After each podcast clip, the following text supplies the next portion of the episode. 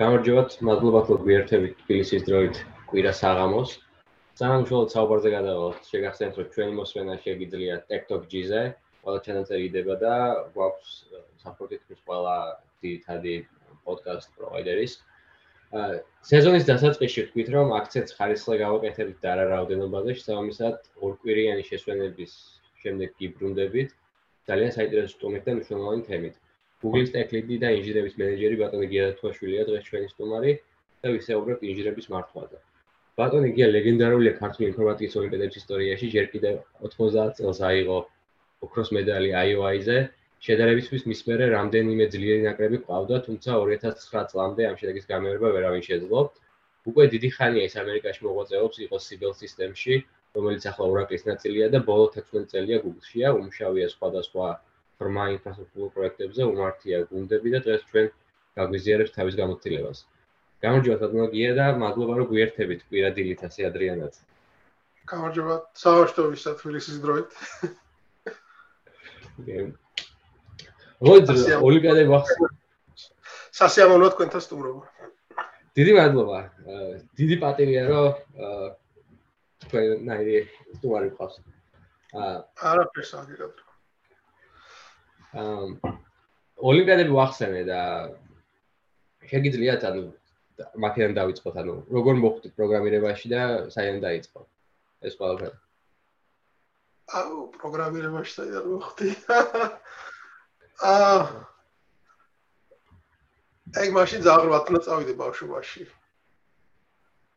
მოკლედ პატარა რო ვიყავი ერთი ციგნი გვედოს ეს მამაჩებს საინტერესო ის ქნა ბიბლიოთეკა ტექნიკური, ანუ მათემატიკური ამოცანების და არა მათემატიკურიც, მაგრამ უფრო ტექნიკური ბევრი ქონდა. იმას კითხულობდი რა, მოწყაილო ვიყავი ხოლმე მარტო ჩემთვის, რაღაც ვიღებდი ციგს და ვარჩევდი იქიდან პრობლემებს რაღაც და ერთ-ერთი ციგნი იყო ინფორმატიკაზე დაახლოებით ახსნა, რა ხდება ზოგადად ალგორითმი რა არის, ბლოკ სქემა რა არის, ინსტრუქცია და კომპიუტერი რას აკეთებს და ვონეიმანის მანქანა რა არის და ასე შემდეგ. და ის ციგნი რამდენიმე წლის მანძილზე ავიღე, რაღაც გადავხედე, ვა, მეთქიო, რა ფერი არ მესმის და დავდე უკან, ავიღე გადავხედე.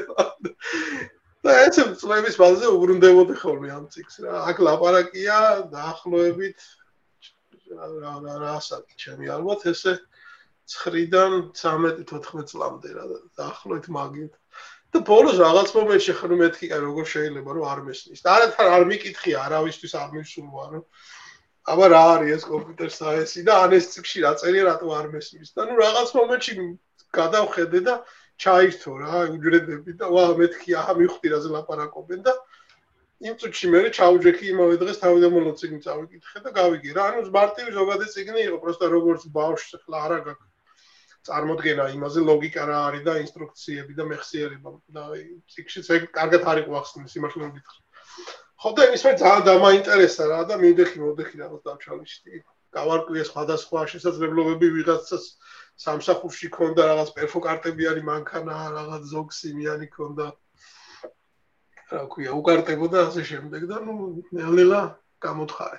და ოლიმპიადებს რაც შეეხება მაგდროს აი სკოლის პერიოდში იყო რა ოლიმპიადები ალბათ ეხლაც არის. ბევრი ქართულში იყო ქიმი, ქიმიაში, ფიზიკა, მათემატიკა, პროგრამირება და ნელ-ნელა მასწავლებლებმა ყველაში ჩართეს, რომ აი ოლიმპიადა წაჩაერთე ხო და ესე გამომივიდა რა, რომ აი ტექნიკურ ოლიმპიადაში ძალიან კარგად ვიყავი. სამივე სხვათა შორის ფიზიკა, მათემატიკა აა და პროგრამირება. მაგრამ პროგრამირებაში უფრო გზნობდი, რომ და რაღაცა ვიყავი. შედარებით ისეთ თოდნავ დაბალდონეზე ფიზიკა მათემატიკა, მაგრამ იქაც საერთაშორისო იმაზე ვიყო. საერთაშორისო კი არა, მაშინ საბჭოთა კავშირის, ხო? საბჭოთა კავშირის ფიზიკის ოლიმპიადაზეც მედალი მაგ დატრეული. ამ და სანამ ამ ოლიმპიადების თემაზე ვლაპარაკობთ, აა სამი ადამიანი იყო ჩემ ცხოვრებაში, ვინც ესეთი ძალიან დიდი ზეგავლენა მოახდინა ჩემ განვითარებაში. ანუ ადამიანი ბევრი იყო, ხო, ბევრი შეხებია ჩემ განვითარებას, დახმარებია და აა რაღაც არა ეს სამი რაღაც ძალიან განსაკუთრებულად თუ შეიძლება ვახსენო ეს არის ჩემი ფიზიკის მასწავლებელი ვაჟას ხირტლაძე ჩემი მათემატიკის მასწავლებელი როინ ნატირაძე და ჩემი მაშინდელი კომპიუტერული კლუბის უფროსი საქართველოს ტექნიკურ უნივერსიტეტში თენგიზ ბახტაძე მე როგორც ხვდები თენგიზ ბახტაძე ეხლაც მოღვაწეობს და ტექნიკურ უნივერსიტეტში პროფესორი არის. დიდი მადლობა სამის. კი. ჩვენგანაც იმიტომ რომ კარგი შედეგი მიიღეს. რომელ სკოლაში დადიოდით? აა მე ვიყავი თავიდან ვერაზე 53 საშუალო სკოლაში და მე-5 თუ მე-6 კლასში აა მინდოდა მაშინ კომაროვი იყო მათემატიკური სკოლა, კაი? და კომაროვში მინდოდა, მაგრამ ამ დროს იქ რაღაც გაიჩითა კახეთში. დაბადების დღე თუ ქორწილი თუ ქელეხი აღარ მახსოვს რა, ოში, მაგრამ დათვრა ხალხი და ვერ მოასწარეთ საჩამოსლა თბილისში, რომ ჩამებარებია კომაროვში. და მე მეორე მათემატიკური სკოლა მაგის გარდა იყო რაზმაძის მათემატიკური სკოლა, ხო და იქ იქ მიმიქ მიმიღეს მიგვიანებით დამელაპარაკნენ და კიო გასმოდი. ხო და იქ სწავლობდი და აი ზუსტად ფიზიკა მათემატიკის მასწავლებლიო ვახსენე მაგ სკოლას ქონდა მოლაპარაკება მათემატიკის ინსტიტუტთან და ფიზიკის ინსტიტუტთან და ეს ორივე ვაჟაც და როინადირაძეც აა იყვნენ აქტიური მოღვაწე მათემატიკოსი და ფიზიკოსები, რომელიც შეთავსებით რაღაც დროის პატარა ნაწილს ატარებდნენ სკოლაშიც. და ამიტომ ჩემთვის აი როგორც პატარა ბავშვისთვის იყო რაღაც უზომოდ საინტერესო, რომ ისე თეორიული მასწავლებელი კი არა, რაღაც იმას აბსტრაქტულ გასწავლის, ხო, რომ ის ტიპი მეორე დღეს მიდიოდა სამსახურში და იქ რაღაც მაღალი ენერგიების ინსტიტუტში არ ყევდა იქ რაღაც ბოზონები რა იყვნენ და ფოტონი და ასე შემდეგ. ანუ ელემენტარული ის არა. აშნაც საინტერესო და როინი ერთ-ერთი ლიდერი იყო მაგ დროის ტოპოლოგიის, მე სამწუხაროდ დაიღუპა. და მე როგორც ხვდები ოლიმპიადებს გადაყვა, ეგ რაღაც საინტერესო ისტორია თავის მხრივ. აა მაგრამ იმის მერე ტოპოლოგიას უმაინტერესებს მეც. ძალიან კარგი. აა ოთახ გავგზავნოთ. აა ამერიკაში როგორ მოხდით? აა ამერიკაში. ანუ თქვენ ერთ-ერთი პირველი იყავით, აქ ვიცი რომ 90-იანებში ვინც ჩამოვიდა ქართველები, რაღაც ჯგუფი იყო, ვინც აა მე რო ჩამოვედი უკვე აქ რო დაგვხდა უკვე დაფუძნებული. პატარა ჯგუფი იყო, ხო? აა ნუ ახლა მიზეზი ჩემი წასვლის საქართველოსდან იყო, რომ ამ დროს უკვე ოჯახის შევქმენი 94-ში ბავშვობოდებოდი და რეალურად ჩემი ხელფასი საქართველოსში ისეთი პატარა იყო, რომ შემეძლო მეყიდა რამდენიმე აა რა ქვია მაროჟნი მაროჟნი როგორ არის ქართულად? ნაყინი ნაყინი. ნაყინი. აი ხლა მე ავიღებ პატარა იმას რა ქვია ექსკურსიას ენაზე ხო მე რო წავედი საქართველოსთან ხო მაშინ ლიტერატურა ენა ენაში ძალიან იყო შემოსული რუსული. ამიტომ ჩემ სლენგში ჯერ კიდე შემორჩენილი ბევრია რუსული ტერმინები. ხო და კომპიუტერულ ტერმინებზე ხო ვაფშე ლაპარაკი არ არის არისო რა განვითარებული მაშინ ხა და დაწკაპუნება იმისი რა ქვია მაუსის როგორც ესეთი არისო და მე რო წავედი მე გავიკერო ვა ეს მე ხა ტერმინოლოგია და ამიტომ ინტერვიუს მანძილზე ბევრჯერ მომიწევს ესეთი ჩარევა რუსულისა და ინგლისურისა და თქოს მაპატიე და თან ამიხსნა ეს გამოვარო მეც ვისწავლი თქვენგან ანუ ჩემ ცოტა სასწაული ჩვენ მიუხედავად იმისა რომ შედარებით მე შედარებით გვიან წამოვედი მაინც ტერმინოლოგიას ერთად ინგლისურად ხმარობ ყველა ანუ დაურდე ნაყის მოკლედ მოკლედ 94-ია საქართველოსში ვარ, ოჯახი ვაკახალ შექმნილი, ბავშვებოდები და ჩემი ხელფასი ყოფნის რამდენიმე ნაყიდს. ან მაგალითად ნახევარწყვი ფეხსაცმელს შემეძლო, ყოველგვარი ვიყავი და მე კიდე ნახევარი, ანუ ორი თვის ხელფასი რომ შემეგროვებინა, ერთი თლიანი წვილი მოდიოდა ვარი. ხო და ნუ ცხადი იყო რა, რომ ესე არ შეიძლება ცხოვრება და იმ წუთას ყველაზე შესაძლო ვარიანტი მქონა რუსეთში წასვლა, იმიტომ ჩემი მეგობარი ლევან ნაკროშვილი უკვე მუშაობდა მანდ და ხო და ლევანასთან წავედი და მომეხმარა თავიდან მაგასთან დავჭი 1-2 კვირა სახლში. სანამ მივიდექი მოდექი რაღაც გადავხედე განცხადებას და სამშაო ვიპოვე აა და მე ოჯახის გადავაბარგე და მე მეგობრების გადმობარგე დიპლომატ ეს ქერსატუს თომო იქ იყო. აა მაგრამ რუსეთში ახლა პრინციპ ბავშვი შემეძინა რაღაც მოეწყვეთ ხო ასეთ და ოჯახს კი ვინახავდი უკვე იმდენი შემოსავალი მქონდა მაგრამ ზოგადი გარემო ხა მაშინაც უკვე მივხვდი რომ აი რუსეთი ის ადგილი არ არის სადაც შენი შვილი გინდა რომ გაიზარდოს და ასპარეზი კონდეს და არანაირი შეზღუდვა და პერსპექტივები. ანუ არ იყო რა პერსპექტიული ძალიან სხვადასხვა მიზეზების გამო. ამიტომ 2 წლის მერე 95-96 წელს ლაპარაკი მე და ჩემ მეგობრმა გადაწყვეტეთ ამერიკაში წამოსვლა, მაგ დროს სილიკონ ვალის უკვე სახელი ქონა გათქმული როგორც ცენტრი ტექნოლოგიური სადაც მეორე კომპანიებია.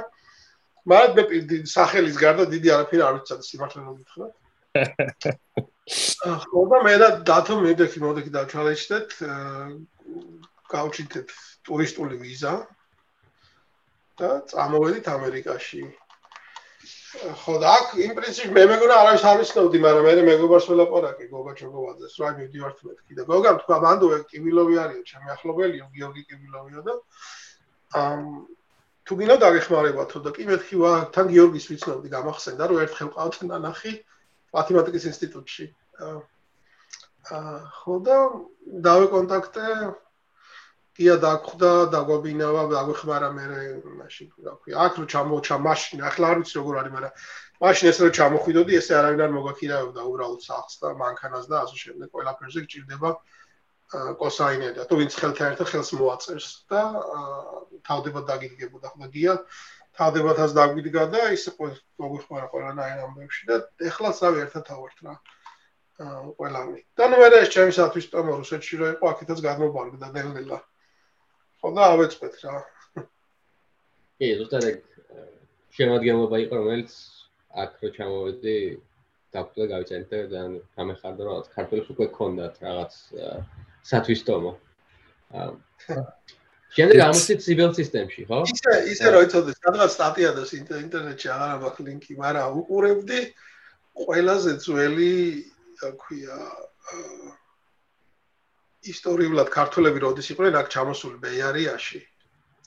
ხო და ინფორმაცია არის რომ 1895 წელს თუ არ ვცდებ თუ სწორად მახსოვს რაჭველებს ქონათ გახსნილი პურის საცხობი და შოთებს აცხობდნენ დედასპიცავა რა რაღაც აფიაში აღიქი გამოვხდებდი მაგის. ეხლა ვერი შოთებს აქ. ხო ეხლა ეხლა არ არის და მაშინ საფრანგეთში რაჭველები იყვნენ 1890-ში და შოთები იყო რა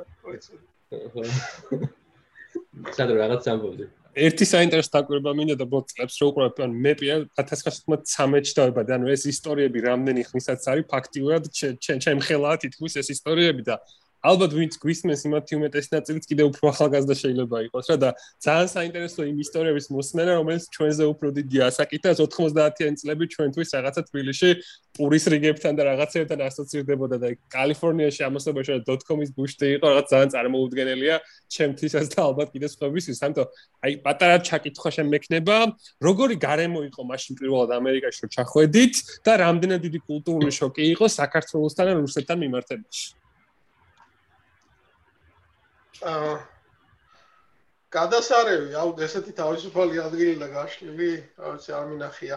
ჩემთვის პრინციპში რას მოველოდი უფრო რაღაც ულტრა თანამედროვე გარემოს. ალბათ რო წასულიყავ თქო ტოკიოში, ნიუ-იორკში, მაშინ იქნებოდა ეს ტიგარემო და აქ ბეიერში რო ჩამოვედი, ძირითადად იყო ხეხილის რაღაც ატმები დადიხარ ქუჩაში მანქანით რაღაც და აქეთ რაღაც ატამს კრეფენ და იქ იმ კლიავის ხეიზდება და ულიან და ძალიან გამიკვირდა რომ მეთქი ვა ფერმერული იმაში როგორ მოხდი და აქ ტექნოლოგიური ცენტრი როგორ არის. იმის მერე განვითარდა და ეხლა აქ რო გახვიდე გარეთ რა ატამი და რის კლიავი სულ რაღაც შენობებია, რაღაც ფირმები და ცნობილი სახელები ჩაღრილი ძალიან ესე დენს. ამ ტექნოლოგიური ბუმი ძალიან საინტერესო იყო, იმიტომ რომ რაც გამიკვირდა არანაირად არ მოველოდით, ეს ჩამოვედით ხო რაღაც გაზეთი ავიღეთ და ნახეთ აბა ვის ჭირდება პროგრამისტები და ნუ ეგრევე ვიპოვეთ ვიღაც ჰედჰანტერ რეკრუტერი. ქართულად როგორ არის რეკრუტერი? ვიცით ეგეთი რეკრუტერია. აჰა რეკრუტერი. აა მაგაში ძალიან გაგვივარდა ITP იყო ძალიან რეკრუტერი ჩვენი. აა სახში დაკვატიჟა რაღაც წვადებზე და ტემპის ფეხბურთის საუბრებლად და რაღაც. აა ხო და ბუმი რო იყო ესე გამოვიდა რომ უცებ რაღაც დალაგდა ინტერვიუები რა ყოველდღე რაღაც ინტერვიუ სხვადასხვა კომპანიაში და 10 დღეში ქონდა თუ არ ცდები 5 რაღაც 5 ჯობ ოფერი თუ რაღაცა რა ორივესთან აა და ისეთი კომპანიები და რა რაღაც Oracle, Informix, Intelligent შემოდა Documagics, Sibel და ასე შემდეგ. ხო და ეს ძალიან გამიკვირდა რომ აუ მეთქი რა მაგარია რომ აი ესე უცებ რაღაც პრობლემა არ არის აი სამშაბათ ადგილებს რაოდენობის რაღაც უზომოდ. და მე მე მივხვდი ეგ მე რაღაც დავჭუქი არის ცოტა მოვედი რომ ეს ტექნოლოგიური ბუმის ის იყო რა ქვია ერთ-ერთი შედეგი. და მან დროს გადაწყვეტეთ რომ დასულიყავით სიბელ სისტემში ხო? რა რატო ხო მაგ ხო ეს ოფერი უცებ შეგროვდა მეთქი ხ გვეყოფა რა რაღაც რა თქვი გამდე ბევრი ოფერი გადაწყვეტოთ უცებ და ეს რაღაც ერთ კვირაში ასე ვთქვათ ავარჩიეთ სიბელი. და სიბელი უფრო იმით ავარჩიეთ, რომ შედარებით ალბათ უფრო პატარა ფირმა იყო, ანუ რაღაც დიდი ფირმები ინფორმიქსი და ორაკული და ეგეთები, ინტელი აა ეთქი ხტავიკარგებით იმ ფირმაში წადი და არ ყვიერა ხდება და სიბელში უფრო პატარა გუნდი იყო. და მეთქი აი გუნდთან უფრო რაღაც ურთიერთობა გვექნება ლიდერებთან, სხვადასხვა გუნდებთან და რაღაც უფრო პრინციპში ასე გადაწყვეტილება იყო. ერთი მხრივ მაგიტო და მეორე მხრივ პროსტა ბედმა გაგვიმართლა იმიტომ რომ სიბელი აა მე ძალიან გაიზარდა ძალიან ცნობილი ფილმა გახდა.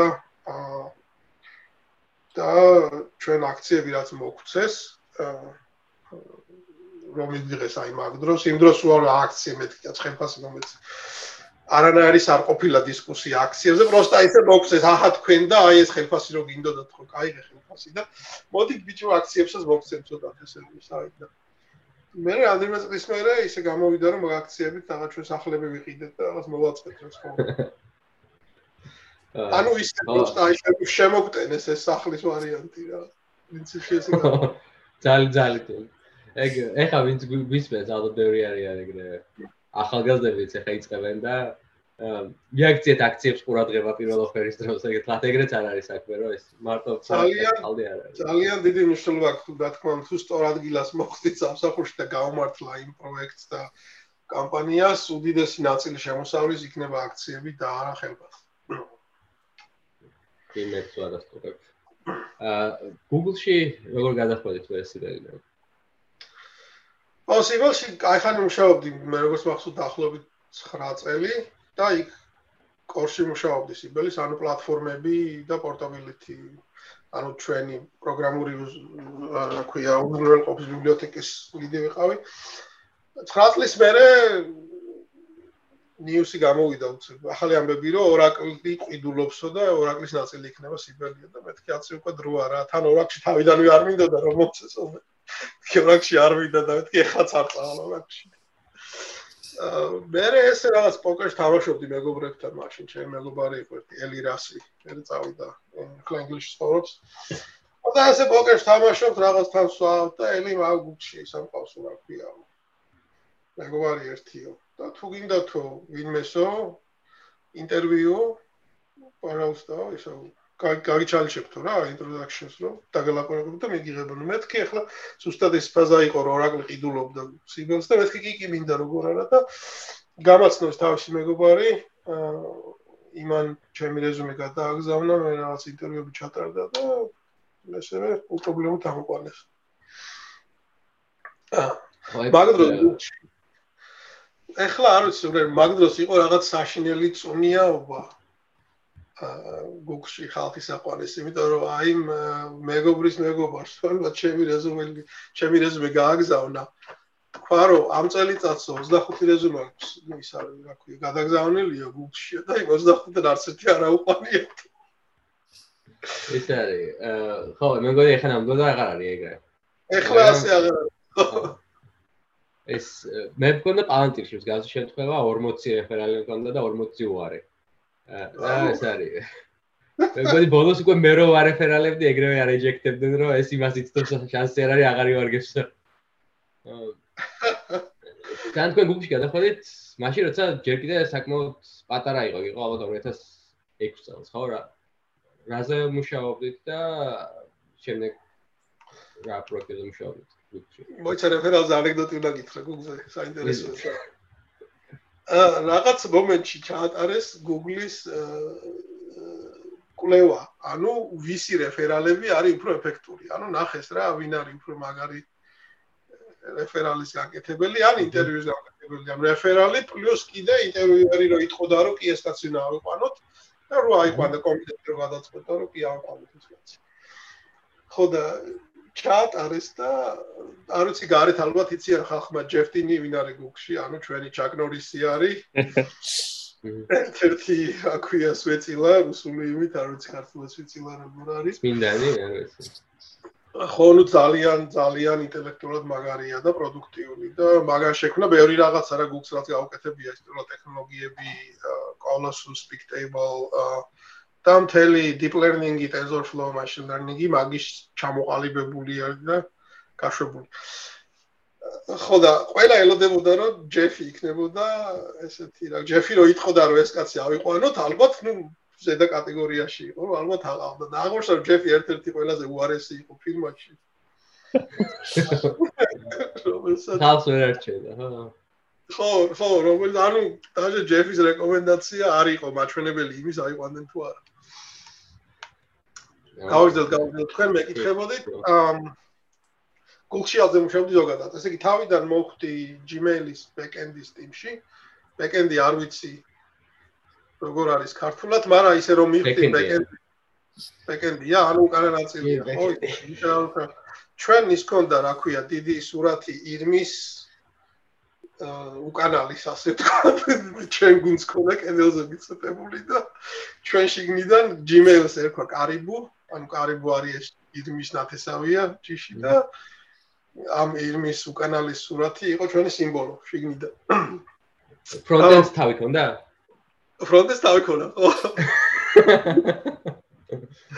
კარიბუ ეხლაც არის აქ აი კოჩი რომელზეც არის ეს კარიბუა. ამ მან მოხდი, მან მაშინ ყველაზე დიდი სერიოზული პრობლემა იყო კორუფციების აღმოფხრა, ანუ რაღაც კომპიუტერების, რა თქმა უნდა, თეორია, აი კორუფციები ქართულად სხვა რაღაცას ნიშნავს. ა ძალიან დაუფიქსი არ ვიცი ხო. ანუ ო, აბა რა როგორ არის data corruption-ზე გვაქვს საუბარი. მონაცემთა გაფუჭებაზე. იმიტომ კორუფცია საქართველოში შეიძლება ფულს რო აძლევი რაღაცას. ხო არა, ეგ არა. ანუ რაღაც მაგალითად რო შეინახავთ ფაილს დისკზე და მე უკარო წაიკითხა და იმ ფაილს რაღაცები შეცვლილია, ანუ რაღაც გაუგებარი რაღაცები წერია. ხო თუ გაითვალისწინებთ რომ Gmail-ი და ყველაფერი გაშვებულია ათასობით კომპიუტერებზე, იმ ათასობით კომპიუტერი და რომელიღაცა კომპიუტერი ყოველთვის რაღაცას ურევს, ანუ რომელიღაცა მომხმარებლის email-ში რაღაცის შექონდა ხარვეზები. ხო და ეგ იყო ერთ-ერთი ყველაზე დიდი პრობლემა და მაგას დავხარჯე საკმაოდ ბევრი ენერგია, რომ მაგის წინააღმდეგ მებრძოლა და აღმოგვეფხრა და ასე ვთქვათ, საიმედო გახდარიყო Gmail-ი ჩვენი მომხმარებლობისთვის. მაშინ Gmail-ი ბეტა იყო ჯერ კიდევ. მაშინ დავიწყე მაღაზია, ცოტა ხანი ვიმშავე, ერთი წელიწად ნახევარი თუ არ ვწდები. და მე ესეთ ის გაჩნდა ვარიანტი, რომ მოდი ჩამოვაყალიბოთ ცალკე პროექტი არასტრუქტურირებული მონაცემების შესანახად, ანუ სურათები, იმეილის ატაჩმენტები, ვიდეოები და ესეთი რაღაცები, დოკუმენტები. მაშინ ეს ყველაფერი ინახებოდა Gmail-ის მონაცემთა ბაზაში შიგნით. და ის მონაცემთა ბაზა უფრო წადიზაინებული იყო ესეთი პატარა მნიშვნელობის შესანახად. ანუ მოკლე მოკლე string-ების და integer და ერთი მონაცემთა ტიპების. და არაეფექტური იყო ძალიან. ხო და გავაკეთეთ ეს ტიპი 4 ადამიანმა ჩამოაყალიბეთ ეს ახალი პროექტი. და ნელ-ნელა გაიზარდა რა. სხვადასხვა აპლიკაციებმა გადმოვიდნენ, გამოიყენეს ჩვენი შენახვის სისტემა ამ არასტრუქტურულებისთვის. ამას ერქვა თავიდან blob story, ანუ blob storage, binary large object ინგლისურად. და მე მე blob story განვითარდა და გახდა Google Cloud Storage, ანუ ეხლა რომ მოძებნოთ GCS-ი, რომელიც არის ხო, არის ეს და იმისი ვერსია, შიდაგადი ვერსია არის რაც მეოთხე major ვერსია და ისე რამდენჯერ გადაწერეთ აღარ მახსოვს კიდე ძალიან მაგარია. აა ხო და ეგ არის ჩემი ძირითადით მაგაზე დავხარჯე დრო და ენერგია. აა და როგორც პროექტი გაიზარდა, ჩემი კარიერას ასე თქვა გაყვა და რაღაც მომენტში გავხდი ტექნიკური ლიდი ამ პროექტის და მე უბრალოდ ტექნიკური ლიდი, ანუ მეორე ტექნიკური ლიდები იყო და იმათ ლიდი მე ვიყავ. და მე რაღაც მომენტში მენეჯერიც გავხდი. მაგ იყო ძირთადი პროექტი, რამდენიმე წლის წინ ასე თქვა დასტაბილიზდა ეგ საქმე და გადავწყვიტე რომ ცვლილების ცვლილების დროა კიდევ და გადავედი მოძებნის ინფრასტრუქტურების გუნდში, search infrastructure. ანუ გუნდში რაღაცა search თუ ძებნით, მოდის ჩვენთან ეგ ყველაფერი. indexing-იც და თვითონ მოხმარებლების ისა query-ც. აა და იქო დარწმუნებული ვარ იცის, დარწმუნებული ვარ იცის ეგ პროდუქტი. სმენელმა. აა, ხო, დაგა. ამ და იქ ორი როლი მაქვს, ერთი არის reliability tech lead-ი მთელი ინფრასტრუქტურის. reliability ქართულად არ ვიცი როგორ არის. ალბათ იგი reliability შეგვიძლია გავაიყენო. საიმედოობა, სანდოობა, მედიკობა, ბევრი სიტყვა. ხო, და მეორე რაღაც სამომავლო პროექტი რაღაც ესე ტექნოლოგიური რესერჩი, ისე საინტერესო რაღაცა ჯერ ვერ გეტყვით ბევრს, მაგრამ მე ვფიქრობ, რომ ძალიან მაგარი იქნება და შეცვლის დრამატულად განავითარებს ხარისხს ძიებისა. ძალიან კაი. აა და დაველოდებით როცა გააკეთებთ announcement. აუ მე მაქვს ერთი კითხვა, ანუ აა ძალიან აი blob storage მაინტერესებს განსაკუთრებით, იმიტომ რომ ანუ Google-ის cloud service-ები არ გამომიყენებია, მაგრამ Amazon-ის მომხმარებლად ბოლო 5 წელია ვარ და რაცა ძალიან კარგად ხედავდი S3 როგორ ვითარდებოდა Amazon-ის ხარისხი. აი მე ძალიან მაინტერესებს აი ეს შიდა პროდუქტი რომელიც მხოლოდ Gmail-ის მოხმარებისთვის იყო, როგორ გახდა რაც public facing დიდი პროდუქტი და Amazon-მა და Amazon-თან კონკურენციამ ამ ყველაფრის ფორმირებაში რა გავნა მოახდინა. ახლა მან საინტერესოა კი იცი მან რაღაც ერთი რაღაც სინანულის ელემენტიც არის, იმიტომ რომ ჩვენი ეს პროექტი Blob Story წარმოიშეიქმნა ან იგივე დროს ან უფრო ადრე ვიდრე Amazon-ის S3. მაგრამ machine Google-ს ეგეთი პოზიცია ქონდა, რომ ჩვენ cloud-ის მარკეტზე არ ვიქნებითო, იმიტომ რომ ნუ cloud-ი უფრო commodity მარკეტი არის. მე ხლა ქართულად არ ვიცი commodity მარკეტი რა არის. ანუ ძალიან განვითარებო განვითარებოდი არ არისო რა და გადაწყვიტეს რომ არ ყოფილიყვენ cloud-ში და ამიტომ ასე თქვა ჩვენ ვერ გამოვიყენეთ ეს შანსი რომ ყოფილიყავ ეს მარკეტზე პირველი იყო ასტრი პირველი და რა წლები გავიდა და Google შემოტრიალდა და ჩვენმა არქიფომ ასე თქვა კურსი კურსმა თქვა რომ ვაიმეო საჭირო არისო cloud-ში უნდა ვიყოთ. ხო და მე რაღაც დაფაცურდე რაღაც ცალკე ცალკე გუნდი შეიქმნა რომელმაც გააკეთა cloud-ის ინტერფეისი ასე თქვა. ანუ ჩემი ტიმი იყო blob storage-ი და რაღაც ცალკე ტიმი იყო რომელიც აკეთებდა HTTP ინტერფეის, რო გარედან შემოსულიყო user-ის ტრაფიკი და მე ეს ამათი სერვერები თარგმნიდნენ ამ HTTP ტრაფიკს და უკავშირდებოდნენ ჩვენ სისტემას. ამ აა ხო დაახლოებით ესე დაიწყო რა და მე დროთა განმავლობაში აღმოჩნდა რომ არ შეიძლება ეს ცალკე სისტემა რომელიც ტრაფიკის შემოყვანაზე მუშაობს, იმიტომ რომ იმას ყველა სისტემას პრობლემები აქვს და რაც უფრო მეტი სისტემა გაქვს, უფრო მეტი პრობლემები გაქვს.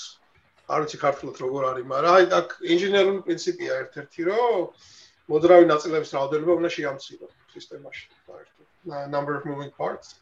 მაგალითად, საათებშიც და დისტრიბუტორ სისტემებში. ხო და აი ამ თემასთან დაკავშირებით ის ტემი შემოვიერთეთ და გახდა ერთი მთლიანი Globstore Plus Cloud Storage როგორც ტიმი. და იმის მერე კი ძალიან გაიზარდა ჩვენი external გარეთ აა რა ქვია onboarding როგორ არის?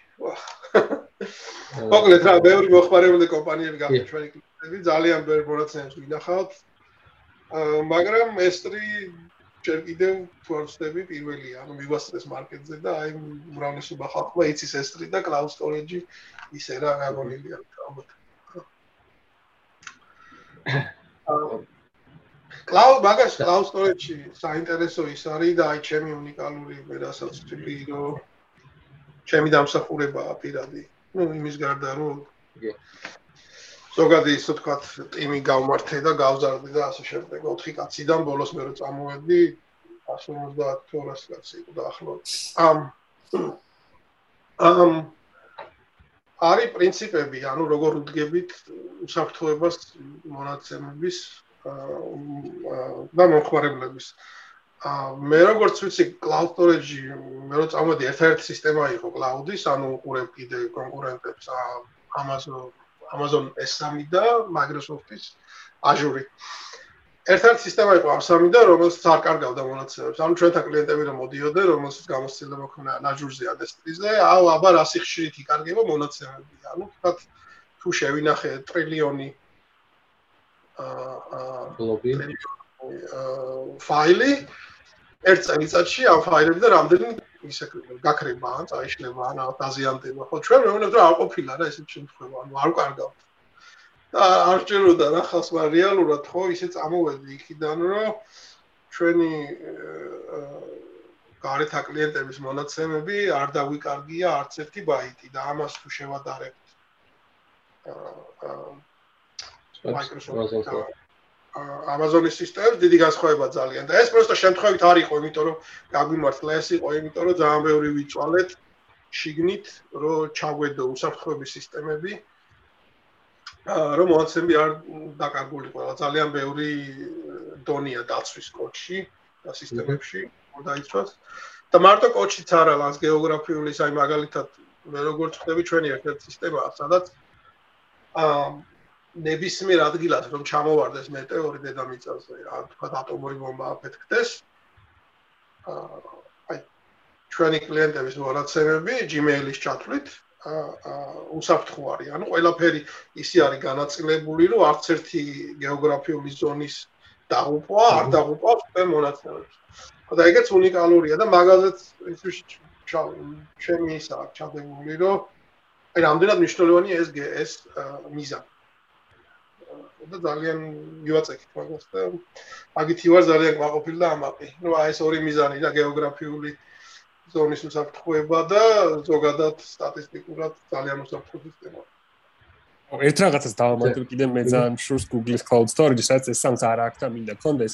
ეს სამში სულ დოკუმენტაციაში წერია, რომ კონსისტენციის გარანტიები საკმაოდ სუსტია. ეს სამში და რაღაცას თუ ჩაწევ და მე წაიკითხავ, არ ხარ გარანტირებული, ხელახალ ჩაწერა თუ მოხდება, ძველი ვერსია არ შეგხვდება და ყველგან ეწევა ხოლმე review-ებში სხვაგან, რომ აი Google Cloud Storage გამორჩეული იმითი არის სხვა ყველასაგან, რომ ყველაზე ძლიერი და კარგი კონსისტენციის მოდელები აქვს და მშვიდად შეგიძლია იყო, რომ invalid რაღაც და cache და cache ვერსია არ შეგხვდება და ეგ ყოველთვის ხდებოდა ხოლმე. ხო, არის ეგ ეგ ზოგადი თემა ინდუსტრიაში, რაღაც ინდუსტრია განვითარდა თავიდან. აა ეს eventual consistency რო ჩაწერდა ან წაიკითხავ ან ვერა, იყო ძალიან გავრცელებული თავის დროზე. და პოპულარული თელი ინდუსტრია ნელა გადავიდა და ეს ტრის დაახლოებით მაგდროს განვითარდა და მაგიტო არის. მაგრამ მე მაქედან ეხლა მე როგორც ხდება ინდუსტრია მოგრუნდა უკან და ისე აღმოაჩინეს რომ აი ეს კაცრი ძლიერი კონსისტენცია, strong consistency ძალიან მნიშვნელოვანია იმისთვის რომ ჩვენ მომხმარებლებს შეეძლოთ სისტემის აწყობა ძალიან დიდი გასწავლების გარეშე. ხოდა ახლა ჩვენც მოგრუნდით და ყველაფერი გვაქვს კონსისტენცია. მე მგონი ჩვენ დისტრიბუციულ სისტემებზეც უნდა მოგვეწვიეთ. ანუ მე არ გავკეთებ ეჯექტებ. ეგეც ძალიან საინტერესო თემაა. თვითონ GCS-ი ძალიან მაგარი მაგალითია ექსტრემალური სკეილის. იმიტომ რომ ლაპარაკია პლანეტის დონეზე და მონაცემთა მოხმარებლების უზომო რაოდენობა. ამ ეგ საინტერესო ინჟინერული საკითხია და მე მგონი ჯერ არ ვისაუბრე ამ თემაზე დაწყვილებით და ღირს მაგის განხილვა. აა მაგრამ დავაგ დღეს უნდა ვისაუბროთ მენეჯმენტზე, რომელიც თვითონ ტექნიკური საკითხია. ანუ გადავიდეთ, როგორ როგორ მოხდით ინდივიდუალური კონტრიბუტორიდან მენეჯმენტში და რამდენად მარტივი იყო გადასვლა? აა ხო სიმართლე გითხრა მე შინოდა მე მენეჯმენტში გადასვლა თავიდან არც ვაპირებდი და უფრო იმიტომ რომ ავტომეშნო და არ ვაპირებდი რომ თვლიდი რომ უფრო ბიუროკრატიული ელემენტი ბევრი იყო და მეთქი მე უფრო აი ტექნიკურ და ეფექტურ ელემენტებზე მინდა ვიგუშაო და არა ბიუროკრატიულ ასე ვთქვათ ფურცლების წერაზე და ასე შემდეგ.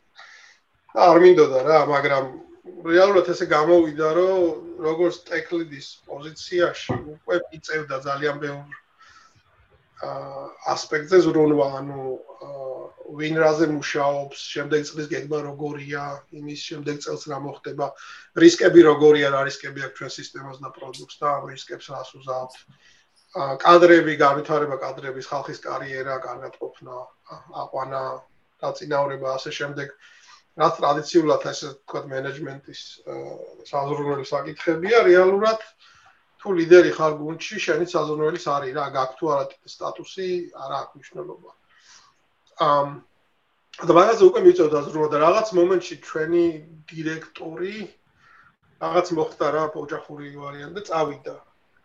და ყვანა და ხო ის ის წავიდა რომ იმ წუთას არ იყო რა შესაძლებლობა რომ ვიღაც სხვა აიყვანა თუცებ და მეთქი მოდი მე ვიქნები ცოტა ხანი დირექტორი მეთქი და იმისი საქმე გადმომაბარეს ერთი წელწად ნახევარი თუ რაღაც დირექტორი ან მენეჯერი ვიყავი ამ დიდი ტიმის ჩემს ქვეშ სხვა მენეჯერები იყვნენ და ინდივიდუალ კონტრიბუტორებიც ა მე ავიყვანე დირექტორის და სხვა მენეჯერების და ასე თქვა გადავედი უკან ისევ მენეჯმენტიდან ტექლიძე და მე ახალგულ შეგადმოდი ახაც ისევ ესე მომხდა რომ ისე მენეჯმენტის როლი ავიღე ანუ წინ და უკან შევედი გამოვედი შევედი გამოვედი არის აა და რამდენად იული იყო?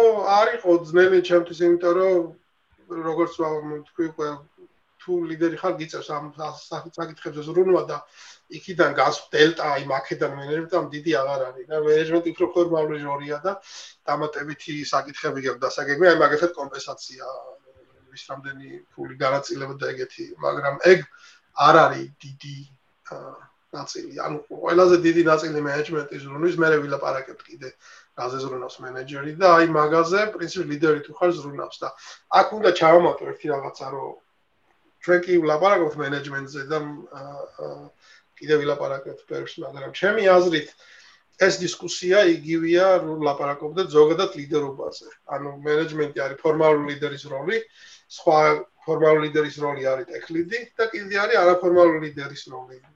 თუნდაც აი რაღაცის არის ეს ლიდი რო ხარ და ფორმალურად ტიტული არ აქვს არნაირი ხარ ინდივიდუალური კონტრიბუტორი, მაგრამ რეალურად ეს კომპონენტი გაბარია შენ. არის კიდე სიტუაციული ლიდერი, როცა არ ახარ ლიდერი, არც გაბარია არაფერი, მაგრამ რაღაც სიტუაცია შეიქმნა და იმას უნდა უპასუხო. აი ყველაზე მარტივი მაგალითი არის, რომ და ბავშვი ეყოლა ვიღაცას და ვიღაც აგროვებს ფულს და საჩქარი უყიდოს და ვილოცვის წერილი გაუგზავნოს აი ეს არის სიტუაციური ლიდერი და ძალიან ბევრი პრინციპები იმის და ზრუნ რაზე ზრუნავ და რაზე მუშაობ? საერთო ამ ყველაფრის სიტუაციური არაფორმალური ლიდერი ფორმალური ტექლიდი და მენეჯერი დაახლოებით ერთი და იგივე რაღაცაზე მუშაობს ჩემი აზრით. ანუ ლიდერი თუ ხარ გიწევს რა მაგაზე ფიქრი. ერთი შეკითხვა შემოგვივიდა. ნუ ერთი Gmail-ზე შემოგვივიდა რომ package-ი ტექნოლოგიას იყენებს და იქ ოპერატორი შიდა არის Google-ის ყავანო. რაღაცი. გთხოვთ გაიოროთ Gmail-ზე შედარებ Gmail-ის package-ი რა ტექნოლოგიებს იყენებდით და ეგ ალბათ Google-ის შიდა არის ყველაფერი, ხო? ამ ყველაფერი იყო შიდა, აი C++-ზე და შიდა რა მაგ დაჟე დიზაინ დოქს გადავხედე. Gmail-ის ამბოლოდ რომ მაინტერესებდა. Gmail-ის დიზაინში იმის გარდა რომ პროგრამული უზრუნველყოფს არქიტექტურაზე ლაპარაკი, ანუ რა კომპონენტებია და მონაცემები როგორ ინახება და რა პროცესები შეგნით, არის აპარატული უზრუნველყოფაზე, რომ აი ესე დავაყენებთ რაუტერს და რაუტერიდან კაბელები გამოდის და ამდენი მანქანა ამ რაკში არის და ეს ანუ ფიზიკური მანქანის დიზაინი, ანუ რომ ამდენი მეხსიერება აქვს და რაღაც ეგეც იმის დიზაინის ნაწილი იყო. ეგ ერთ-ერთი რაღაცა იყო, რაც გამიკვირდა ძალიან მარკეტინგში რომ მოვხვდი, რომ რამდენად ყველაფერი თავიდან ბოლომდე იყო გაკეთებული აჰა. კი, ეს არის. ფაქტო რთული ასახსნელია ეგრე რა ტექნოლოგიებს იყენებს, იმიტომ რომ ყველაფერი პრინციპში შიდა. და არის მოსმენებს აინტერესებთ open source ტექნოლოგიების რა ის ვიყენებთ არა ეკვივალენტებს და აბსოლუტურად არაფერს მაშინ. ალბათ დღესდღეობითაც ბევრ არაფერს მე ეგრე მგონი. ეს ერთ-ერთი აა უნდა უნდა მეთქვა რომ Google-ში თუ მუშაობ გასაგრძელებ ბექენდებში, ეს ტექსტუალურ სისტემებში, Gmail და cloud storage-ი. ასე თქვა, blessing and curse როგორ არის ქართულად? აა მადლი და მარილი არის. ხო. ხო. blessing და კარსი, რა კარსი იმიტომ არის, რომ გარედან რაც ისწავლე ეს ეკოსისტემა source ტექნოლოგიების შეგნით Google-ში ძირთადად არაფერი არ მუშაობს. და blessing იმიტომ არის რომ არის აბსოლუტურად გადასარევი და წინვალე ეკოსისტემა არის შიგნით გაკეთებული პროგრამული უზრუნველყოფის ბიბლიოთეკების სისტემების კონცეფტს დიზაინების და რაც ყველაფერი რამდენიმე შეკითხვა არის მენეჯმენტზე მაგრამ მეგონი ჯობია გავაგრძელოთ იმიტომ რომ ზოგიერთ ამსაკეთს ჩვენ რა გიმოძღვათ იმითის დავფარავთ იმითის დავფარავთ რა არის რითიც შეიძლება ინდივიდუალური კონტრიბუტორი მოემზადოს წინასწარ რომ მომავალში ფორმალური მენეჯერი გახდეს? აა შეუძლია რომ წინასწარ რამე რამე იმუშაოს თავის თავზე რომ უკეთ მოემზადოს ამ როლისთვის? აა ხო, რაც რამდენიმე რამდენიმე შესაძლო პასუხია ამაზე. ერთ-ერთი რაც აი ამ წუთას მოვაფიქსდა, რომ შეგიძლიათ შეხედოთ თქვენს გარშემო ლიდერები, რომლებსაც პატივს ცემთ და რომლებიც ეფექტურები არიან, ისინი რაზე მუშაობენ, როგორ ფიქრობენ და ასე ვთქვათ, იმის ემულირება გავაკეთეთ. ეგ ალბათ ეს არის საინტერესო კუთხეა აახრი. და ისე ზოგადად ხო მენეჯმენტზე და ლიდერზე როგორ უნდა მოემზადო ლიდერობისთვის. მე რაც დავაკვირდი პროგრესია, ანუ ინდივიდუალური კონტრიბუტი კონტრიბუტორი და რო ხდები ლიდერი და მე უფრო ზოგადი დონის თქვა ტექლი დუბერლიდი მენეჯერი და მეორე დონის და მესამე დონის მენეჯერი ა სამი მიმართულებით იცვლება რაზე მუშაობ. ერთი არის ა თვითონ რა ქვია პროდუქტის ნაწილი, ანუ რო იწყებ რაღაც იდეოლ კონტროლ რაღაც კომპონენტზე რაღაც დაგავალებინ აი ეს რაღაცა გააკეთე ამ კომპონენტში და ცოტა რაღაც გავითარდება კარიერა, მე შეიძლება კომპონენტი ჩაგაბარო, რომ ეს კომპონენტი გაბარია და აბა მიხედი და აკვია განავითარე. მე შეიძლება გაიზარდოს ეს სფერო ზეგავლენის და შეიძლება ჩაგბარდეს პროექტი. ანუ რაღაც მომენტში პროექტების კომპლექტი. მე შეიძლება მთელი პროდუქტი ჩაგბარდეს, ანუ თლიანად თავიდან ბოლომდე. აა რაც იმის იქეთ წარმოვიდგინოთ ეს სფერო რო იზრდება იზრდება შეიძლება ჩაგბარდეს პორტფოლიო პროდუქტების ან რამდენი პროდუქტი ერთად და რაღაც მომენტში შეიძლება სტრატეგია ჩაგბარდეს რომ აი როგორ განვავითაროთ ახალი პროდუქტები და რა პროდუქტები გავაერთიანოთ ან შევწყვიტოთ და ასე შემდეგ. ეს არის ერთი მიმართულება ანუ სფერო რაზე მუშაობ. და ეს სფერო სულ იზრდება რაც ზევით ხარ. ამ მეორე მიმართულება არის დაგეგმვის time horizon, ანუ დროს ჰორიზონტი, ანუ რამდენად შორს გეგმა ყველაფერს. ანუ ამ კვირას რას ვაკეთებ, ან ამ თვეში რა ხდება, ამ კვარტლის გეგმა როგორია, ამ წლის გეგმა როგორია და ყველა რამდენიმე წლის მერე სადგინა ვიყოთ.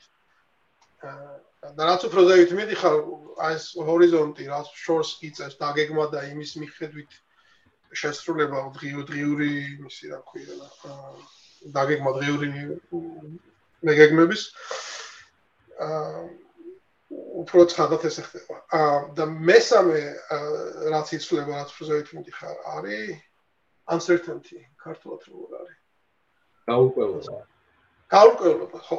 ანუ თავიდან რო იწყე მუშაობა ძალიან გაურკვეული საქმე გაქვს. ანუ შენ გაურკვევლად ხარ რა თქმა უნდა როგორც ბიგინერი, ну რაღაც გაბარია აზე ახლა როგორ კეთდება და უნდა დოკუმენტაციაც აიკითხო, კოდი გაარჩიო, ისინჯო მოსინჯო და მაგრამ მე ირკვევა რა ანუ ხელით იმაშვები და ამასაჟებ კარგად და ეს საკითხი გაურკვევლობი და ხდება გაურკვეული და მე ამ გაურკვეული ინფორმაციიდან მიღებ გადაწყვეტილებას რა უნდა კრა.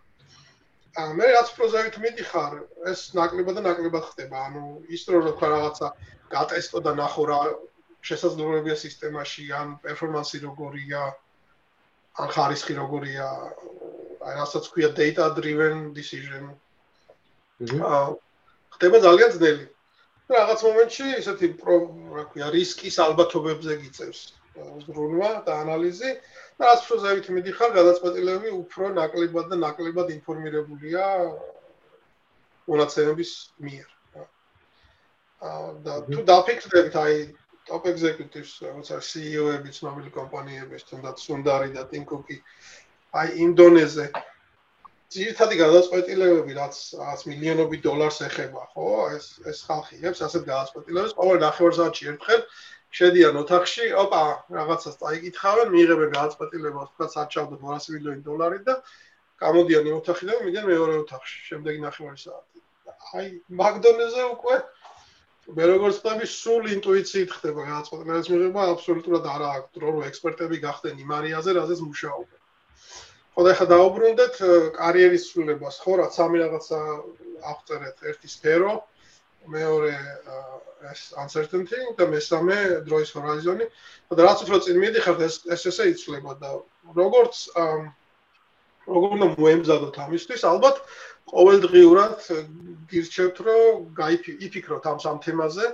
ანუ მაგალითად იქნებ ჩემს სამშაო სფერო უფრო დიდი რო იყოს, რაღაცას გავაკეთებდი. ანუ ჩემს გვერდზე რა ხდება გვერდზე ტიმები რაზე მუშაობენ, ან ხალხი ჩემს გვერდზე როდის დასაკეთებენ. დროის ჰორიზონი თქვა მითხრა ჩემო მენეჯერმა, რომ ამ კვარტალში ესა გვაგეგმა, მაგრამ იმის იქეთ რა ხდება? ანუ რაღაც გაიაზრო წარმოიდგინო.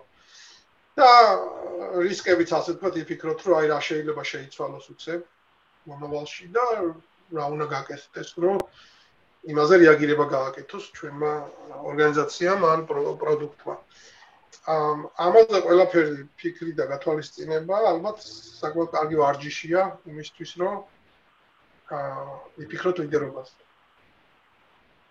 და თქვენ ლიდერის პერსპექტივიდან როცა უყურებთ არის რამე რაც აი გამოარჩევს ხალხს ვიც მოვალში კარგი თიელემი იქნება? აა არის თუ არა ლიდერის პერსპექტივაში.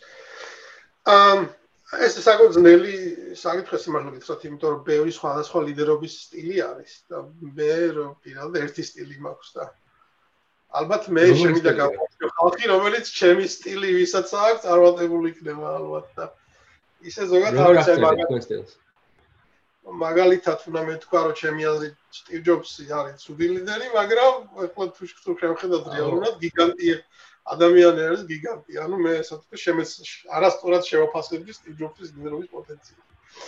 ახლა მე ერთი ამბავი კომენტარებში. ანუ პატივს რა თქმა უნდა. წარმოუდგენლად წარმატებული ადამიანია და რა შექმნა ამისთან, ანუ აზია ლაპარაკი, მაგრამ თუ შევხედავთ ურთიერთობას ხალხთან როგორ იქონდა და იმის ქვეშ ხალხი როგორ განვითარდა და რას მიაღწიეს, ჩემი აზრით თარიღობა გიუდეთ. ამ ჩემი სტილი ისეთია რომ მე უფრო აი რასაც ქვია როგორ ქვია serving style of manager არის ერთ-ერთი სტილი. ანუ შენ როგორც მენეჯერი ხარ მსახური. და შენ ემსახურები შენს გარშემო ბედნიერებას და წარმატებას, ანუ მომსახურები იმას, რომ შენი გუნდი იყოს წარმატებული და ბედნიერი, რომ შენი კლიენტები და შენი ფირმაც რა თქმა უნდა იყოს წარმატებული და ბედნიერი. ამ ხო და ელემენტები არის ზრუნვა ზრუნვა ხალხზე გარშემო. აა ასე თქვა foresight როგორ არის? ქართულად. foresight. აა აი, ხელველობა იქნება ალბათ არის. ინათქრცნობა ხო არ ან წინდახედულობა? წინდახედულობა ალბათ. ხო, წინდახედულობა, ანუ რო ყველაფერი მენეჯერმა შორს უნდა გაიხედოს დროის ამბავში და გამოიცნოს რა მოხდება და იმის მიხედვით დაგეგმოს, ანუ ეგ წინდახედულობის აა ელემენტი. ამ თავდაბლობა ანუ არ მიყვარს როცა მენეჯერი გადმოხტება და აი ეს მე ეს შევქმენი და მაგარი ვარ ანუ მიყვარს ესეთი უფრო ოქცევა როცა მენეჯერი გაუჩინარდება როცა ძალიან წარმატებულია საქმე. აა ანუ მენეჯერი უნდა გადმოხტეს და წინ გადაიფაროს ყველას თუ საქმე ცუდად მიდის და პრობლემა არ აქვს თუ საქმე წარმატებით მიდის ჩემი აზრით მენეჯერი უჩინარდება და ასე ვთქვათ გუნდი არის ცენტრში ინოვაციების ამ integrity and fairness. სამართლიანობა და თლიანობა, ინტეგრიტი არ არის. ქართულად. ინტეგრიტი სტანდარტები მაღალი, ანუ ანუ არ უნდა იყოს ისე რომ აი კულისების უკან მენეჯერი რაღაცა მიდი გამოვიდა და რაღაცეთი გააკეთა რომ ცხენია რომ ხალხმა გაიგოს. ანუ ყველაფერი ისე უნდა კეთდებოდეს რომ მორალური და ეთიკური მოქცევის წესები იყოს დაცული და თანასწორუფლებიანობაც იყოს დაცული. ანუ ერთ-ერთს არ უნდა მიანიჭო პირატესობა. იმის მიხედვით რომ თქვა ეს მოქცოს და ის არ მოქცოს, უნდა იყოს სამართლიანი. აა კიდე არის ზეგავლენის სტილი, ან როგორ აკეთებს ზეგავლენას მენეჯერი გუნდზე. ახლა ზოგი არის, რომ მოდი იყოს აი ეს კეთდება და всё. ან ამას გააკეთებ, ან თუდად გექნება საქმე სიტყვაზე, ნუ ექსტრემალური მაგალითია, ხო და მეორე მხარე სპექტრის არის ჩემი სტილი, ანუ შეშესთავაზებ ხალხს, რომ აიცი მე ფიქრობ, რომ აი მომავალში ესე წავა საქმე და ანუ იქიდან გამომდინარე გამოვთვალოთ, რომ ეხლა ამას თუ გავაკეთებთ ინვესტიციას დროის ამ ეს საქმე თუ გაკეთდება, ჩვენ უფრო თქვა მომზადებული ვიქნებით მომავლისთვის, ან უფრო წარმატებული ან მედიკამენტები ვეყოლება. და შენ რას ფიქრობ, ღირს ამის გაკეთება? ხო არ გავაკეთოთ და უფრო ასეთი შეთავაზების სახით ზეგავლენა, რომ პირდაპირ ბრძანების სახით კი არა, ახსნით და შეთავაზებით და კიდე ერთი ელემენტია, რასაც ქვია ჩემ დროს ჩალიჩა უნდა იყო რა, არ ვიცი ხა ეს სლენგი კიდე არ თქვა რა ქართულში, ანუ უნდა რაღაც რო ხდება, რაღაც რო გაიჭედება საქმე. უნდა შეგეძლოს რა რომ მიდგე მოდგე შეაწუხო რაღაც გამოთხარო ისინი, რო გონია რომ გაჭედილი ხარ, ისე არ ხარ გაჭედილი. ანუ ანტი სრულიად ანტილიდერული და ანტიმენეჯერული მიდგომა არის, რომ აბა არ ვიცი ახლა ამას ველოდები, არ ვიცი როდის იქნება და მანამდე საქმე არ კეთდება და აბა კარგად იყავი.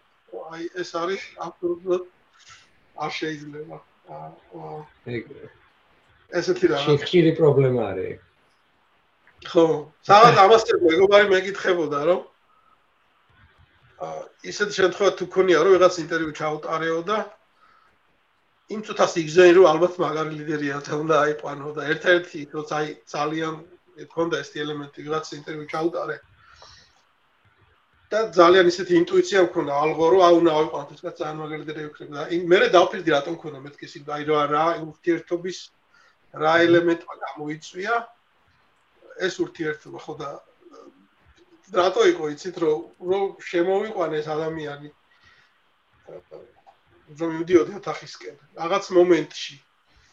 დაინახა რომ დაბლა ეგ და ნაგავი იატაკზე რაღაც დაჭმჭნილი ფურცელი ხო და დაიხარა აიღო ეს ნაგავი ხო და მე მიხდა რომ ნაგვისვედრო გვერდზე არ იყო მიიხედ მოიხედა და დაინახა რომ კედლის უკან იყო მიმალული ნაგვისვედრო არ ჩანდა რა და ის ნაგავიც ალბათ იქ. იმიტომ ეგდო რომ აა ვიღაცა ჩამოიარა ნაგვისვედრო და დააგდო წავიდა. ხო და იქვე აი ეს ნაგვისვედრო აიღო მოატრიალა აქეთ დადგა კუთხის აქეთ ნაგავი ჩააგდო და გააგზენა რა გამოყვამე ამ მიდიოდი ინტერვიუ ჩასწარებ ხო და ავეთი ეს კაცი და ავიყვანოთ რა ჩემი აზრით აი ეს არის ტიპიური ლიდერულის სერვინგ მენეჯერული მოქცევა. აა დაშალი შტო მიდგა. მოდგა და იმის გარდა რომ პრობლემა იმ წუთას თვითონ ისა თქვა მიაფიქსა მომავლისთვის ისეთი რაღაც გააკეთა რომ მომავალში ნაკლები ნაგავი შეიქმნებოდა. და ეს ყველაფერი მოხდა რა ვიცი ერთ წამში თუ ორ წამში დაახლოებით ახლა ისევ დამალული ალბათ ის ნაგვისურნა და შემდეგ ინტერვიუერს ელოდებიან რა ჩაუტარა ინტერვიუ.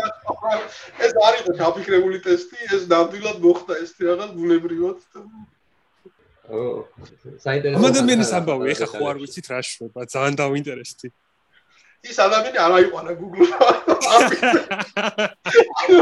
მე დაუწერე, დაუწერე ფიდბექი რომ ავა უცლებთ თუ აიყვანოთ, მე თქვი არა იქ ფიდბექში, მაგრამ არ დამიწერი არაფერი ნაგავსი, ანუ დაუწერე. იმის და მიხედრაზე ვილაპარაკეთ. ხო და რა ვიცი, ესე მოხდა რომ კომიტეტმა როცა განიხილეს ყველაფერი ერთად. აი ვერა მიყვანთ ის ადამიანი. მე იგი კომიტეტს არ აქვს ხოლმე სრული კონტექსტი ხშირად და ვერ ხედავენ ეგეთ ესეთი ინტუიცია და ალღო ძნელია რომ კომიტეტმა ალღო აუყოს რაღაცას და როცა პირადად ხედავ ადამიანს ფაცვა ის. რამე ესეთი პატერნები თუ შეგიმჩნევიათ ინჟინერებში რომ აი დაახარისხოთ ყველა სხვადასხვა კარიერულ გზაზე რომ მაგალითად ვიღაცა როქსტარი რომელიც ძალიან სწრაფად იზრდება ვიღაცა შედარებით უფრო ნელა იზრდება მაგრამ უფრო რაღაც ფუნდამენტალურად.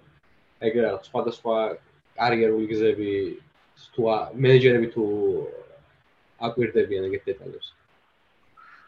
აა მაგ დეტალებს ვაკვირდებით, მაგრამ ამ კითხვაში ორი ნაწილია, ერთი დახარისხება და მეორე დახმარება სხვადასხვა კარიერის გზებზე. დახარისხებას რაც შეეხება, მე ვერ დავახარისხებდი. ანუ გუგში და სხვა ფინებში რა თქმა უნდა არის leveling guide, არ ვიცი ქართულად როგორ არის. აა ანუ დონეებს რო ანიჭებს ხალხის ინდივიდუალ კონტრიბუტორებს, თქვა გუგში ტიპიური არის, რომ იწებ ხარ სტუდენტი თქვა ხარ მესამე დონეზე და ნუ მე მიდიხარ ზეპიანები. ხო და დონე პრინციპ შეიძლება თქვა რომ აი დონე აი დონეების მინიჭება რიცხვები არ დახარისხება, მაგრამ რეალურად ერთი და იგივე დონეზე ძალიან ბევრი განსხვავებული ხალხია, ძალიან ბევრი სხვადასხვა ადგილზე თავის კარიერი განვითარებს, სხვადასხვა ტრაექტორიები. ხო და რეალურად ესე ხდება, რომ ყველა ადამიანის ტრაექტორია სად არის და როგორ მიეხმაროთ, არის ძალიან ინდივიდუალური საკითხი. და აი კლასიფიკაცია და გენერალიზაცია მაგისი არის ძალიან ძნელი. ამიტომ ყველასთან მიწევს ესე რა ქვია. ძალიან ბევრ დროს ვატარებ მე პირადად ურთიერთობაში. აა რომ ნახო ეს ადამიანი როგორ მუშაობს, როგორ იღებს გადაწყვეტილებებს, საქმის ორგანიზაციას როგორ აკეთებს, რაზე ფიქრობს, რაზე არ ფიქრობს. და ანუ ამეებში ასე ვთქვათ hands-on მივეხმარო, რომ აა განვითარდეს. და სხვადასხვა სხვადასხვა რაღაცები უნდა რა. ზოგს უნდა რაღაც კონკრეტული ტექნიკურ არეაში განვითარება ზოგს უნდა სპიკერობა ზოგს უნდა ადამიანებთან ურთიერთობებში ცოტა რაღაც განვითარდეს. ზოგს უნდა რომ თქვა აზე მოვიდეს მარკეტზე რა ხდება ეს ზოგადად ვაფშე სადავარ და რატო ვარ აქ ამ ამ იმაში რა ქვია სეგმენტში მარკეტის და ასე შემდეგ. აა გადაგები აი პერფორმანს რევიუებზე რას გვეტყვით? აი მიზანი რა რა არის და როგორ აღწევთ ამას? როგორ ხდება ინჟინრის მუშაობის შეფასება? ობიექტური. ამ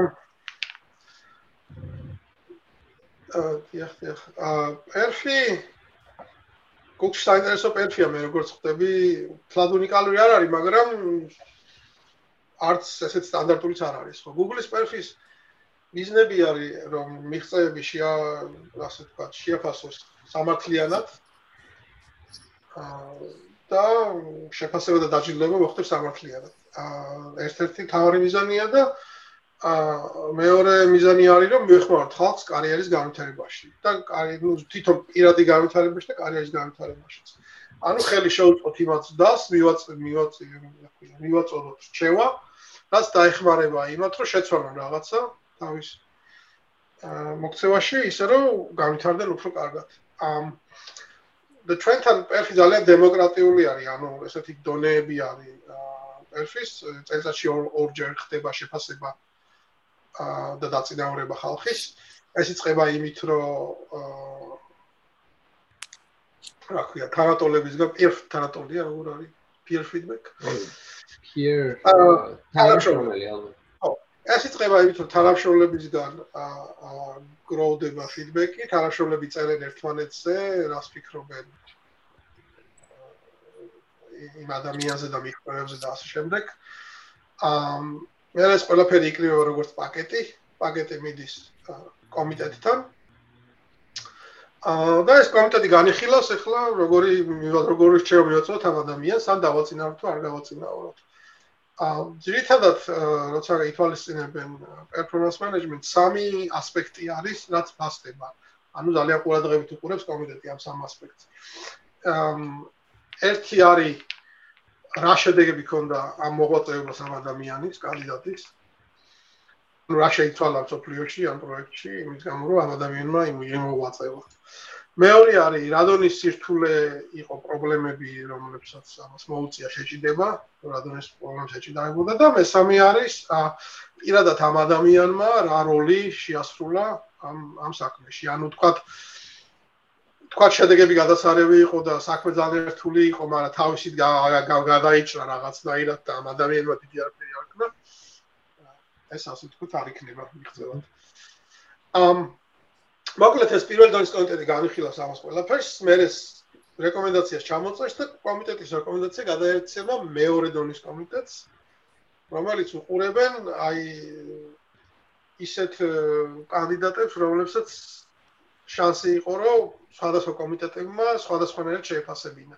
ანუ მეორე დონის კომიტეტი, ასე ვთქვათ, აფასებს პირველი დონის კომიტეტის სამუშაოს, იმათ აგრედიკებენ და ასპორებენ ისე რომ ერთ ერთი ჩაკი ჩაკითხო მეთემა თუ შეიძლება საინტერესო კითხვა დაისვა.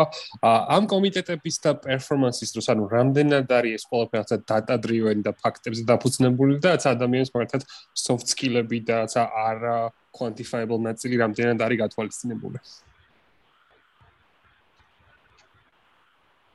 ამ რამდენად data driven-ია.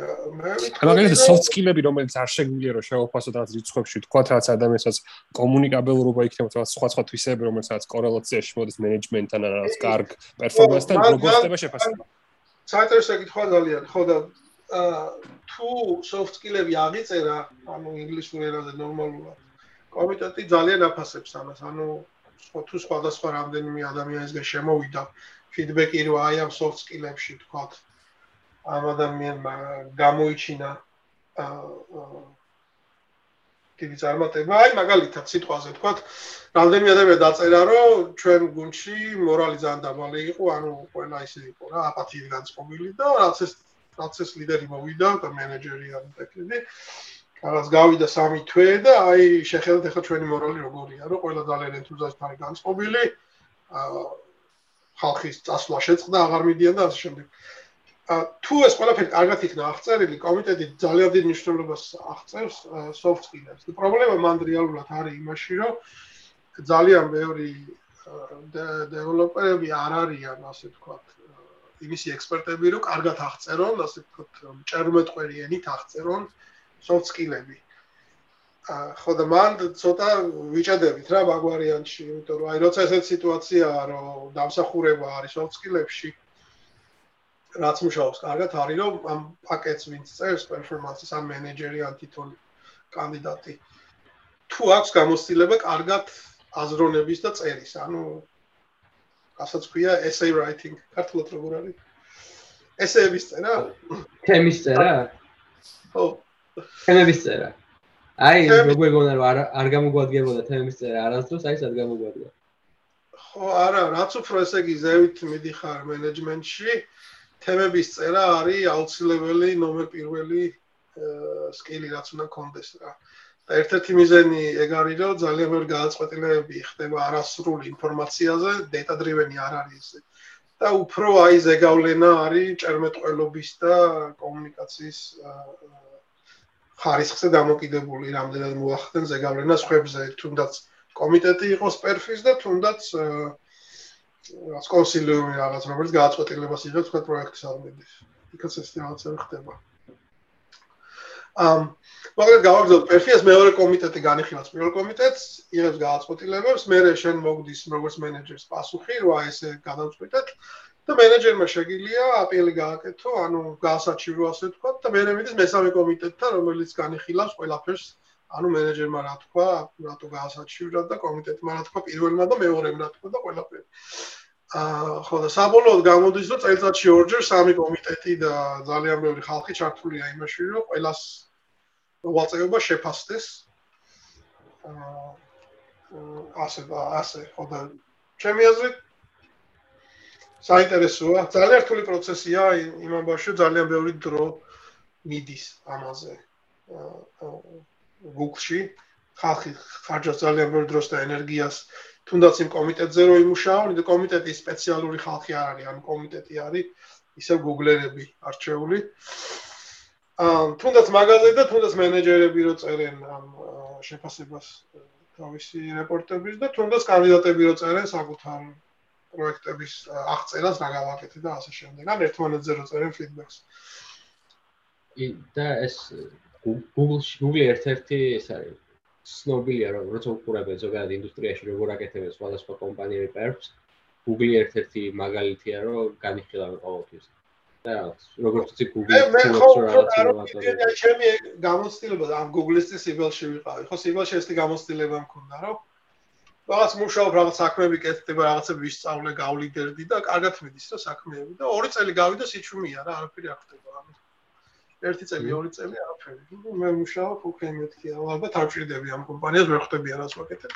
ორი წელს მე მენეჯერი მოვიდა და თქვა რომ ეხლა შენ დაგაწინაურეთ ორი დონით ზევით ხო ანუ რაღაც ვიყავით L5 სამი და ეხლა ხარ L5 თუ არც მახსოვს და რა რიცხვები იყო მაგრამ ეგ მახსოვს რომ ერთის ხრივ კი გამიხარდა ვარა კაი ანუ მე ჩემი საქმე ვაკეთე ორი წელი და უცებობა და ესე ნახტომი დამაწინაურს მეორე ხრივ ალბათ არ არის კარგი ხო რომ ორი წელი გამოვაშალე აბსოლუტურად არ არის ფიდბექი არ ქონდა. მე სადა ვარ ან რა ტრაექტორიაზე ვარ.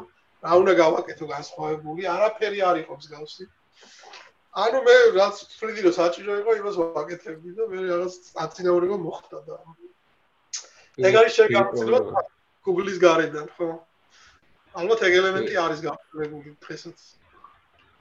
ხო, ანუ პატარა კომპანიებს შედარებით საკმაოდ ანსერტა რა აქვს შედარებით ცუდა და მე მაგალითად პაუნტიში რო ვიყავი, ჯერ მქონდა და მე გააუქმეს ფერფი, იმიტომ რომ დემოტივაციას აკეთებს ხალხისა და რაღაც პერიოდ გაუქმებული მქონდა, ლეველებიც არ იყო. უბრალოდ უბრალოდ ესე ვიყავი. მაგრამ ანუ რო უყურებ საკმაოდ ის არის მარტივია მე რომ დაიკარგო შენ რას აკეთებ რატო აკეთებ და ეგრე რაღაც იმას გაძლევს პერფი აა მიმართულებას კარიერაში რაც მე პირადად ჩემთვის საინტერესო მნიშვნელოვანია. აა სანდრო შენ კიდე მე მაგ კი მე მე მაგ ერთი კითხვა ზუსტად ამ თემას არ უკავშირდება მაგრამ მე მგონი ბევრ საინტერესოც ეს კითხვა და მეც პირადად ვარ ძალიან დაინტერესებული. ანუ ას ბევრ ინდივიდუალ კონტრიბუტორს რომელსაც რაც პოტენციალი აქვს ან რაღაც უკვე რაღაც უახლოვდება მენეჯერ პოზიციას სულ ეშინია რომ მენეჯერი რო გახდება, მე საერთ კოდის წერა დაავისდება, სადაც გრუბლებში ავა და რეალობის აღთქმას დაკარგავს და პირველი რამდენად ასე არის თუ არა და იმედი დიდი იმედი აქვს რომ ასე არ არის და ზოგადად როგორ ვცდილობთ რომ შეინარჩუნოთ საინჟინრო სკილები, როცა მენეჯერულ პოზიციაზე ხართ და რაღაც მაგ გუნდები გაბარდეთ.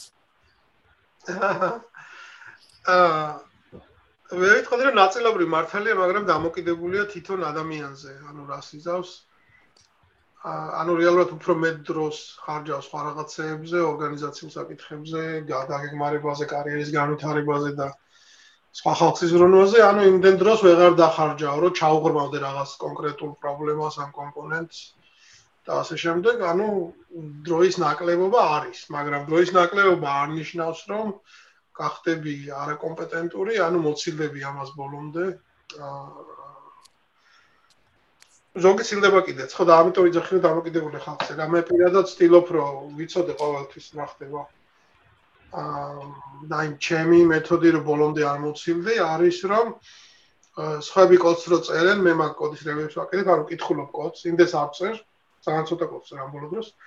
მაგრამ სხვები რო წერენ იმას კითხულობ, აა ვაწვდი ფიდბექს და თან სწავლობ აი რა რა გადაწყვეტილები როგორი მიიღეს კოდის მიხედვით. აა დიზაინ დოკუმენტები კითხვა, ანუ არქიტექტურული დისკუსიები, რაღაც პრობლემ სოლვინგი ერთ-ერთი გზა არის, როგორ შეინარჩუნოთ ეს ტექნიკურობა. აა debugging debugging-ი production systems debugging-ია. debugging-ი, ანუ live systems debugging-ი, ეგ ერთ-ერთი ძალიან ბევრ დროს ხარჯავ მაგაზე, როგორც მენეჯერი საკმაოდ არ არის საკმაოდ არ არის სტანდარტული მოქცევა Google-ში. მე პირადად აა live systems debug-ზე უჩამსული ვარ.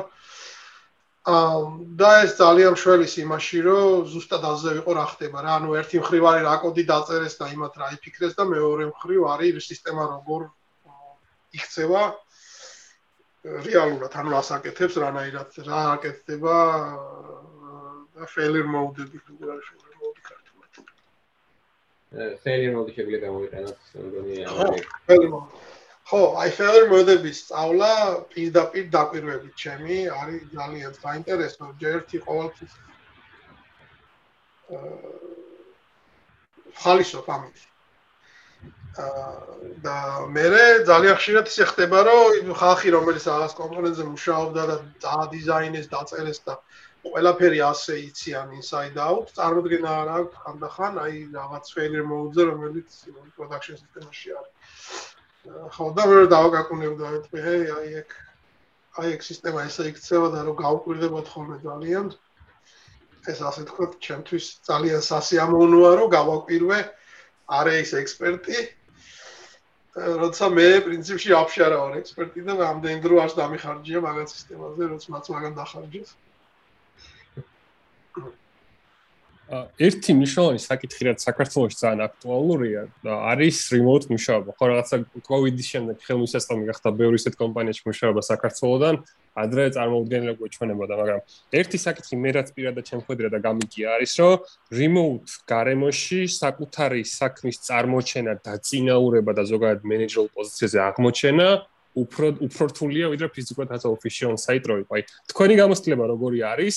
როგორი იყო თქვენი თიმები, როცა ფიზიკურად მუშაობდეთ, სანამ COVID-ი დაიწყებოდა და რამე შეიცვალა თუ არა მნიშვნელოვნად remote-ზე და რომელი გირჩევნეთ?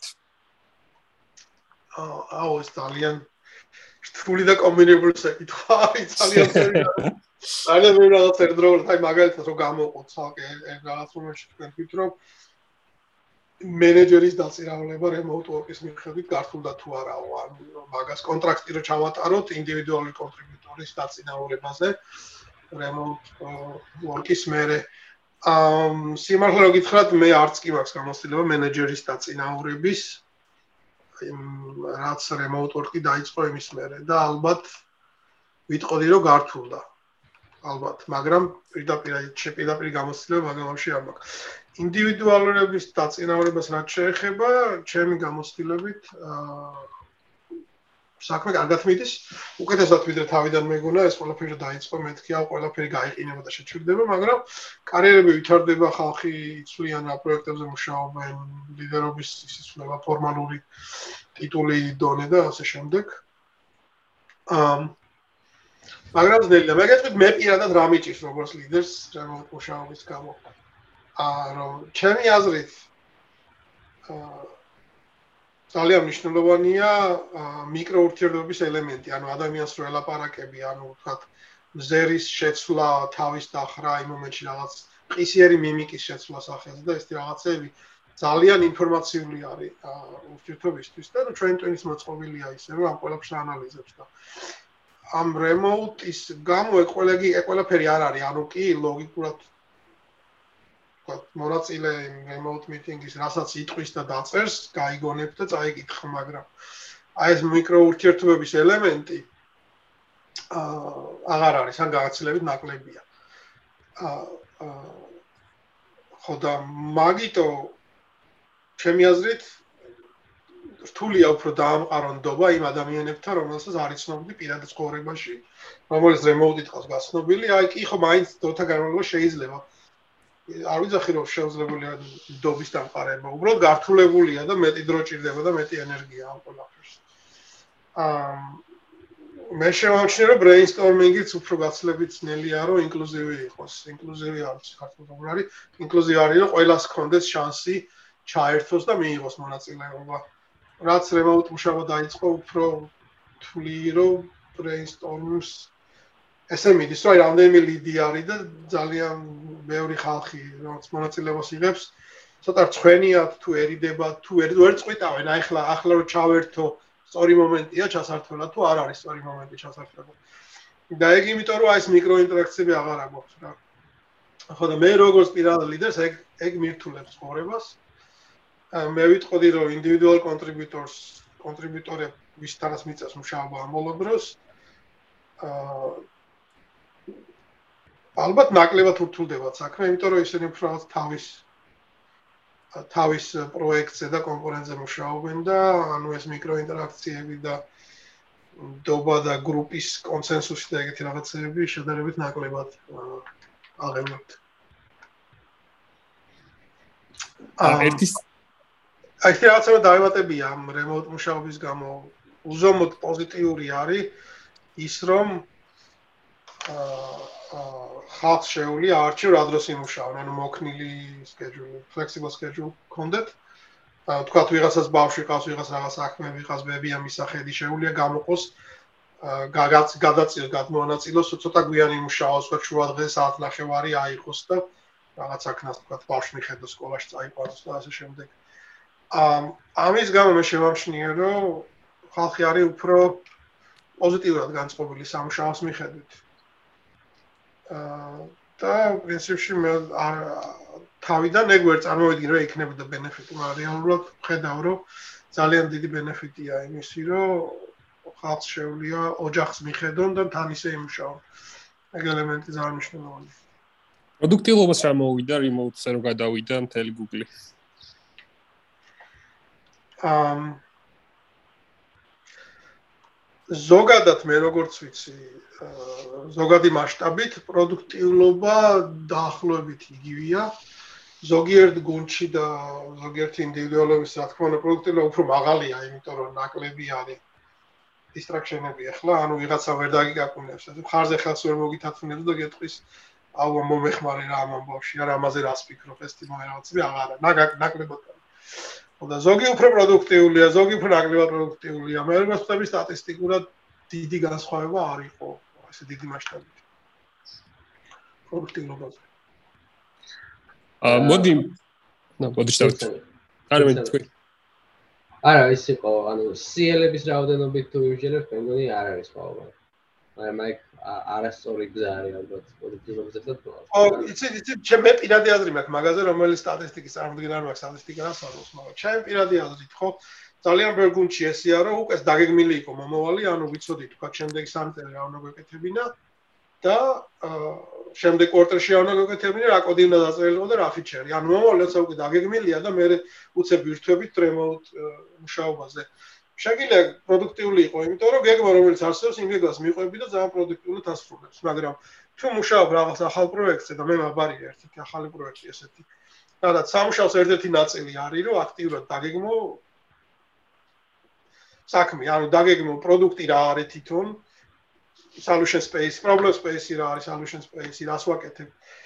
ხო და როცა ესე ძალიან გაურკვევლობაში ხარ და ძალიან დიდ იმაში რა ქვია, გაურკვევლობაში და ექსპლორეიშენში, აბა რას ვაკეთებ რაღაც ჩემი აზრით აი მასეთ რეჟიმში თუ არის ტიპი remote უფრო ართულებს და ანელებს პროდუქტიულობას. მაგრამ მასეთ რეჟიმში არ არის ბევრი ტიმი ძალიან ცოტა ტიმები იყო. და რას დრო გავა ხო ეს გეგმა რო ამოიწურება დროთა განმავლობაში ჩემი აზრით უფრო და უფრო ბევრი გუნდი გადავა მაგ რეჟიმში რომ აი ეხლა უნდა წავა პაუზოთ ასე თქვა რას ვაკეთებ და აბა თავიდან დაგვეგმოთ ყველაფერი რა არის მნიშვნელოვანი რა უნდა გაკეთდეს და აი ეგ ნელ-ნელა მოვა ყველა პროექტის მომავალში და მე მე უფრო შეეთყობა რომ remote ვორკმა ასე თქვა შეანიშნა პროდუქტიულობ თუ არა. არა ეს ჩემი აზრია პირადი, არანაირ სტატისტიკით არ არის გამართლებული. მოდი მოგწმ გრაფიკს რადგან საუბრობ, ერთი საინტერესო კითხვა იყო და პეცის ჩვენც გვინდა და საუბარი, ეგ არის ა როცა მენეჯერო პოზიციაზე არის, ანუ თქვენ თქვენ გამოსწლებთ რო გითხრათ, როგორ ანაწილებთ სამუშაო გარემოს და როგორ აბალანსებს იმას, როცა თქვენი ინდივიდუალური საქმე გასაკეთებელი და შეხვედრები, ანუ რაღაცა ეს ერთი სამუშაო დღე თქვენი როგორ გამოიყურება და რამდენად ბევრი ხმაურია გარე სამყაროსთან და რამდენად ბევრია ინდივიდუალური მუშაობა.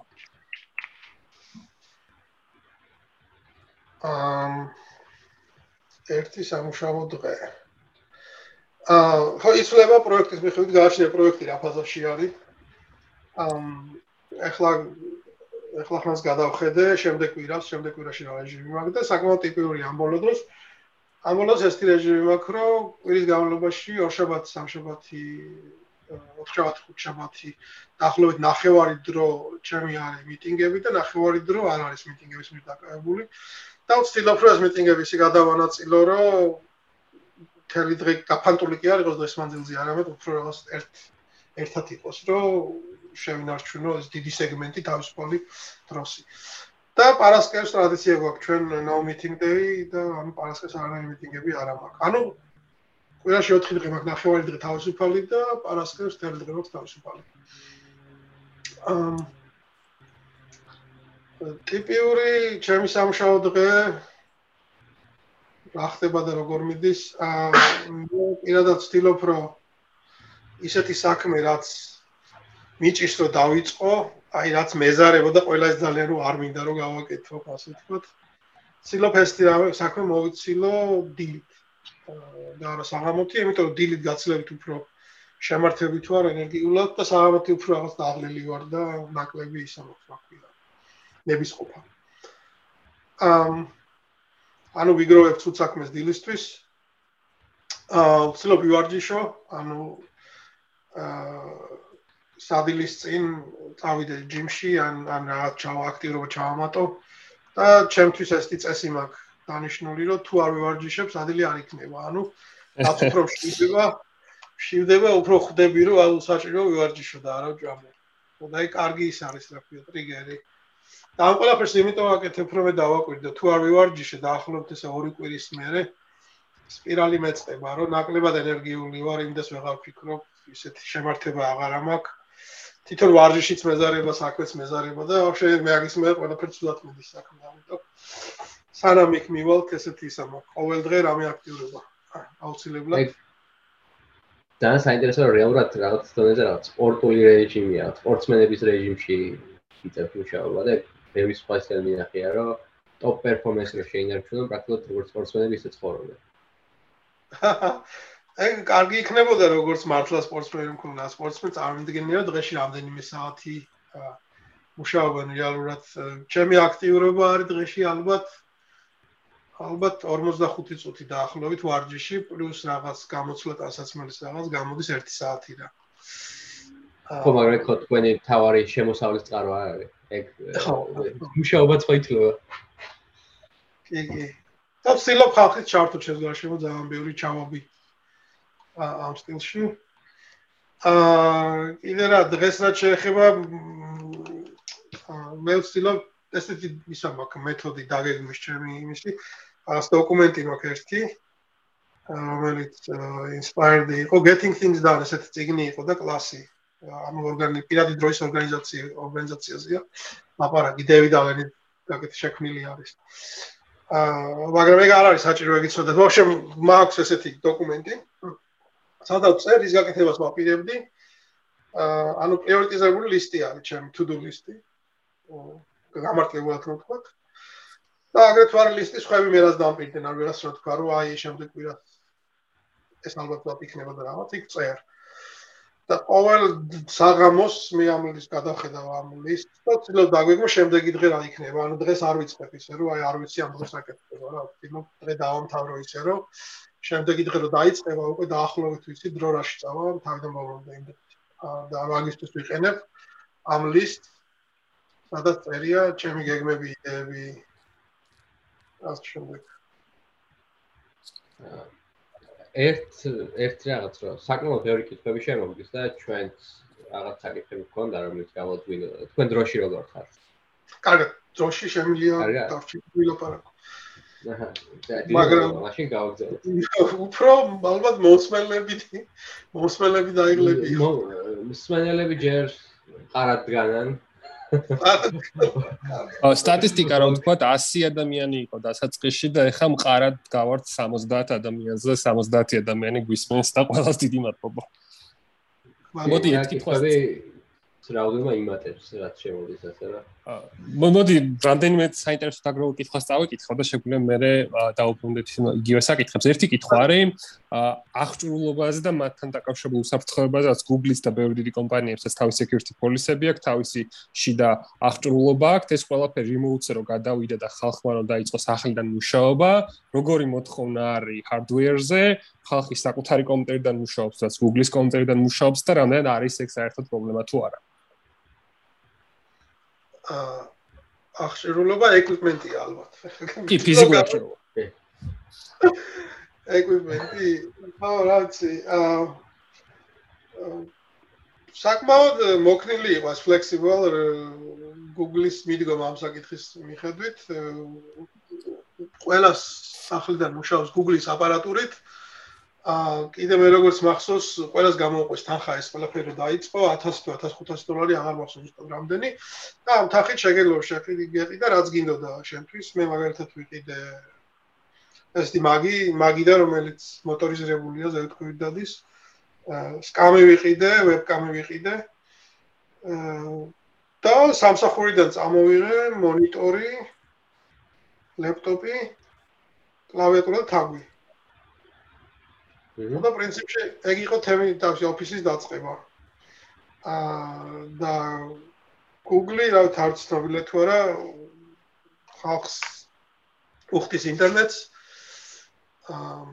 სახში უხდის Wi-Fi router-ის ფულს აა რა ვიცი აპარატურა როგორც სამსახურში შეიძლება და შეკვეთა და დაყენება, ესე შეიძლება სახში ახლა იგივე სამსახურის ვებსაიტი და შემიძლია დავაჭირო ფლოპკას და შევკვეთო დამატებითი ლეპტოპი ან მონიტორი ან ვებკამი ან რაღაცა და მიკროფონი და მოვა სახში პირდაპირ. ერთ საკითხს უფრო დავაზრდა, მგონი კითხვა უფრო უფრო ფერქების კუთხით კი არა უფრო კუთხით იყო, ანუ security-ის ხო რამე სპეციფიური policy ხო არა Google-ს რომ მას თავი დაიცვას და ერთი რასაც მივხვდი არის რომ პირადი რაღაც MacBook-ი რაღაც PC რო კონდეს იმას ვერ გამოიყენებს საქმის მიზნისთვის, Google-მა თავისი OS-ი უნდა დააყენოს. ხო სავარაუდო რაღაც თავი security policy. აა, კი, ეგ ხო ეგ ბიშლის ხელს ძალიან მაგალითად Mac Mac ხო გამოუშვა ახლა M1-ის ლაპტოპი და Google-ს ჯერ არ აქვს მაგის დისტრიბუცია შეგნით. და მე ვიკითხე აუ იქნე მეც თორ ვიყიდო და დავაყენოთ ეს Google-ის ოპერაციული სისტემა პრობლემა არ არის მეთქი და არა Google-ს ხო აქვს ეგ პოლისი რომ hardware რომელსაც შეუძლია კორპორატიული ნეტვორკზე მიდგომა უნდა იყოს Google-ის მიერ გაცემული. და თუ იყიდი შენ არ არის ეგეთი პოლისი რომ შენი შეგიძლია იყიდო და მე იმაზე Google-ი დააყენებს საკუთარ ოპერაციულ სისტემას და ადმინისტრატიულ ოზონერულ ყოფას პროგრამულს არა აქვს ეგ პროცესი. აგებია. და ის არის ერთ რაღაც უფრო ანუ მანამდეც ეგრე იყო, ანუ პანდემიას დიდი გავლენა არ მოხდენია, მანდეც შეგეძლო ნებისმიერ ადგილიდან შესულიყავი შენი ლეპტოპით Google-ის სისტემაში და გემუშავა პირდაპირ, ანუ არ არ გჭირდებოდა ფიზიკური ფიზიკურად Google-ის ოფისში ყოფნა, რომ გემუშავა. ეს მაგას დიდი გავლენა არ მქონია. თუმცა ახლა როგორც ვიცი ონბორდინგზე რაღაც პრობლემები იყო, იმიტომ რომ მაშინ ოფისში გიწევდა ონბორდინგი. აა ერთადერთი განსხვავება აქედან არის special case-ი ტელეფონი ალბათ. ნუ შეგიძლია შენ ტელეფონი იყიდო ზედ დააყენო Google-ის ადმინისტრატორული რაღაც პაკეტი და მე მაქედან შეგიძლია კორპორატულ ნეტვორკზე არა, მაგრამ შეგიძლია იმეილი და დოკუმენტები წაიკითხო სამსახურის. ოძე არა, ხო, ალბათ ექსეს. ოძე. ოძე. გასაგებია და ბარემ ერთ საინტერესო კითხვას წავიდეო კიდე. authority bias-თან დაკავშირებით არის როცა არის ხოლმე განხილვები სადაც რაღაცა ავტორიტეტის თქმით შეგიძლიათ რომ თქვათ რომ აი ეს ესე იმიტომ რომ მე ვიცი და გამოსtildeება მაქვს ანუ რამდენად გაქვთ ხოლმე ეგ საკითხი რომ უფრო რაღაცა არგუმენტებით და დატით გაამყაროთ რაღაცის არგუმენტი და არა იმით რომ უბრალოდ რაღაცა გამოსtildeება და ავტორიტეტი გაქვთ. აა ხო მან ორი ის არის? ორ დაია შეიძლება პასუხი ერთი მე რას ხედავ გარშემო და მეორე ჩემ ტიპში როგორ ხდება საქმე? აა პრინციპში მინახია აქა-იქ კერძო შემთხვევები როცა ავტორიტეტული არგუმენტით ყოფილა გადაწყვეტილებას მიიღება და მე პირადად ვთვლი თვლი რომ ეგ არის ცუდი მენეჯმენტის პრაქტიკა. აა ჩემი პრაქტიკა ჩემ გუნდებში ესეთია რომ ფაზებია გადაწყვეტილებას ანუ პირველ ფაზაში არის დისკუსია, დემოკრატიული არგუმენტაცია, ყველას მოყავს თავისი მონაცემები, ან თუნდაც ინტუიცია, ან ან არგუმენტაცია, რატო ფიქრობენ ესე გაკეთდეს. აა და ნუ რაღაც უფრო ხშირად ამას მოყვება კონსენსუსი, ანუ რაღაც დემოკრატიულად კონსენსუსს ყალიბდება. თუ კონსენსუსი არ ყალიბდება, მაშინ რა თქმა უნდა, აა ლიდერს უწევს განაცხადება და მან ხა გააჩნია ხან ხან და ხან მე მიწევს გადაწყვეტილება ხან ხან მე ამოვარჩევ ერთ ადამიანს მეტყვი აი შენ იქნები ამის გადამწყვეტი. იმიტომ რომ ყველაზე უფრო შენ გეხება ეს საკითხი. ან თუ რაღაცა სწორად არ გავაკეთებ ყველაზე უფრო შენ დაზარალდები ამით და ასე შემდეგ. და ნუ მე ეს ლიდერი ითვალისწინებს ყველას მიერ მიწოდებულ მონაცემებს და არგუმენტაციას და იღებს გადაწყვეტილებას ბოდიშუხტის ყველას ვისი ვერ შევასრულეთ, ყველა ყველა სურვილების დაცვა ძნელია. აა მაგრამ თავარი მნიშვნელოვანი რაც არის, რომ პირველი ფაზა შესრულდეს, ანუ ის ფაზა, რომ ხალხმა დაინახოს, რომ აი ეს აზრი და რაც იმათ ქონათ სათქმელი მოისმინეს. სანამ ასე თქვა თავისი აზრით არასწორი გაწყვეტილება მიიღეს. არის ძალიან მნიშვნელოვანი, იმიტომ რომ მაგის გარეშე ესე გამოარო დროთა განმავლობაში შეიქმნება ესეთი ატმოსფერო, რომ ხალხი თulis, აუ არ აქვს მნიშვნელობა მე რას ვიტყვი, მენეჯერები და ლიდერები თავისი გააწყვეტავენ და ანუ ცინი, ცინიზმი და აპათია შეიძლება ჩამოყალიბდეს, მაგრამ თუ გვაქვს ეს ფაზა, როცა ლიდერი აგზობინებს ხალხს, რომ ყველა იმითი იდეა იქნა განხილული. მიხედავთ იმისა, რომ ვერ შევეშევძებით ყველა იმის სურვილის შესრულება რაც იყო წარმოყენებული. აი ეს იდეა რომ ყოველას ხმა იყო მოსმენილი და განხილული არის ძალიან მნიშვნელოვანი. და მაგას მოყვება ის რომ როცა მიხოთ იმის რომ გააცვეთილები ძალიან ხშირად არ ეთანხმება დიდი რაოდენობა ხალხის პოზიციას გუნდი მაინც ასე თქვა ბედნიერია და თვლიან რომ კარგად გილას მუშაობენ მაყოფილი არიან თავისი თანამშრომლებით გააცვეთილების პროცესებით და ასე შემდეგ. ანუ შეკრულია უფრო. გუნდი და ერთმანეთის ნდობა აქვს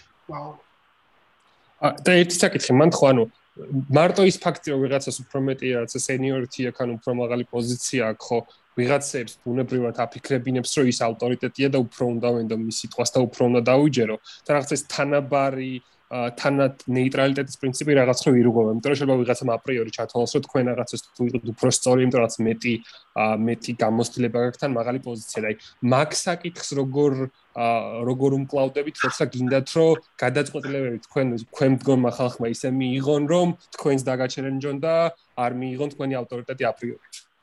იგი მაგეთქვით მე პირადად ას ვაკეთებ ხა მაგაზე არ წამეკითხია ვინმე სხვა რაში ზუსტად მარ საინტერესო კითხვა მე პირად რას ვაკეთებ, რომ ნუ რაღაც ყველა მნიშვნელოვან გააცვეთილებას, რაღაც ფაზა აქვს პირველი ბრეინსტორმინგი, როცა მთელი ტიმი ბრეინსტორმინგს. აა და წამოაყენებენ ამ იდეებს, ანუ არის დიდი რაღაც სუპი ან ოკეანე იდეების. ხო და ბრეინსტორმინგის ორგანიზაციას რო ვაკეთებ, მე ყოველთვის ვთხოვ ჩემი გუნდის წევრებს, რომ წინასწარ ჩამოყალიბდნენ და დაწერონ რას ფიქრობენ მაგ თემაზე. ანუ რომ მოვლენ ბრეინსტორმინგზე უკვე ქონათ ჩამოწერილი, თქვათ, რამდენიმე წინადადება, ან ერთი ფურცელი, ან ნახევარი ფურცელი, არ ამხელაც უნდა.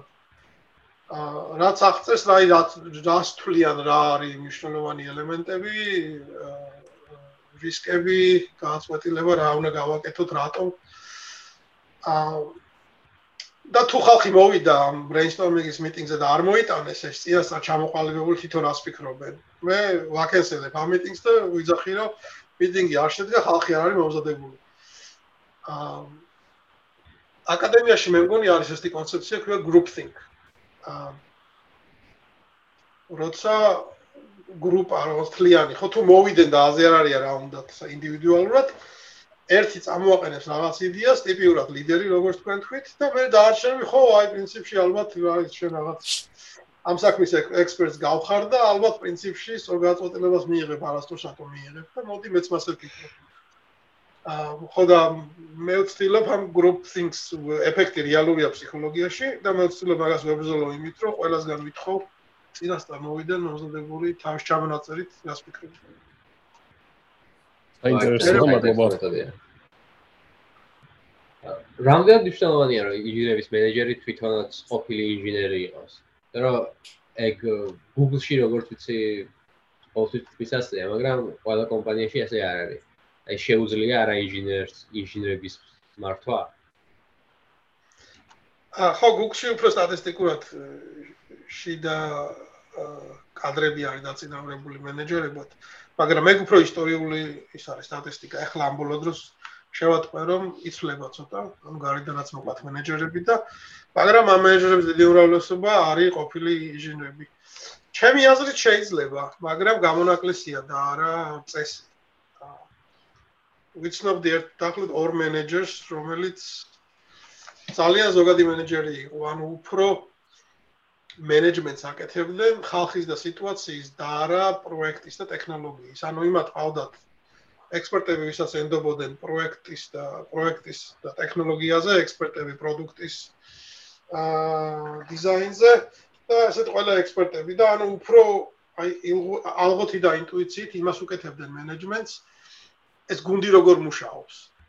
ანუ შეგვიძლია თქვათ, რომ ესეთი ლიდერი არის ინჟინერი, რომელიც დეველოპერი არის ტიმის. ანუ ხო კოდის დეველოპერი წერ კოდს და შეიძლება იყოს ტიმის დეველოპერი ხო და მინახია რა ეს ადამიანები რომელიც არიან სუფთა გუნდის დეველოპერები, ანუ ადეველოპებენ გუნდს, მაგრამ იშვიათია ძალიან.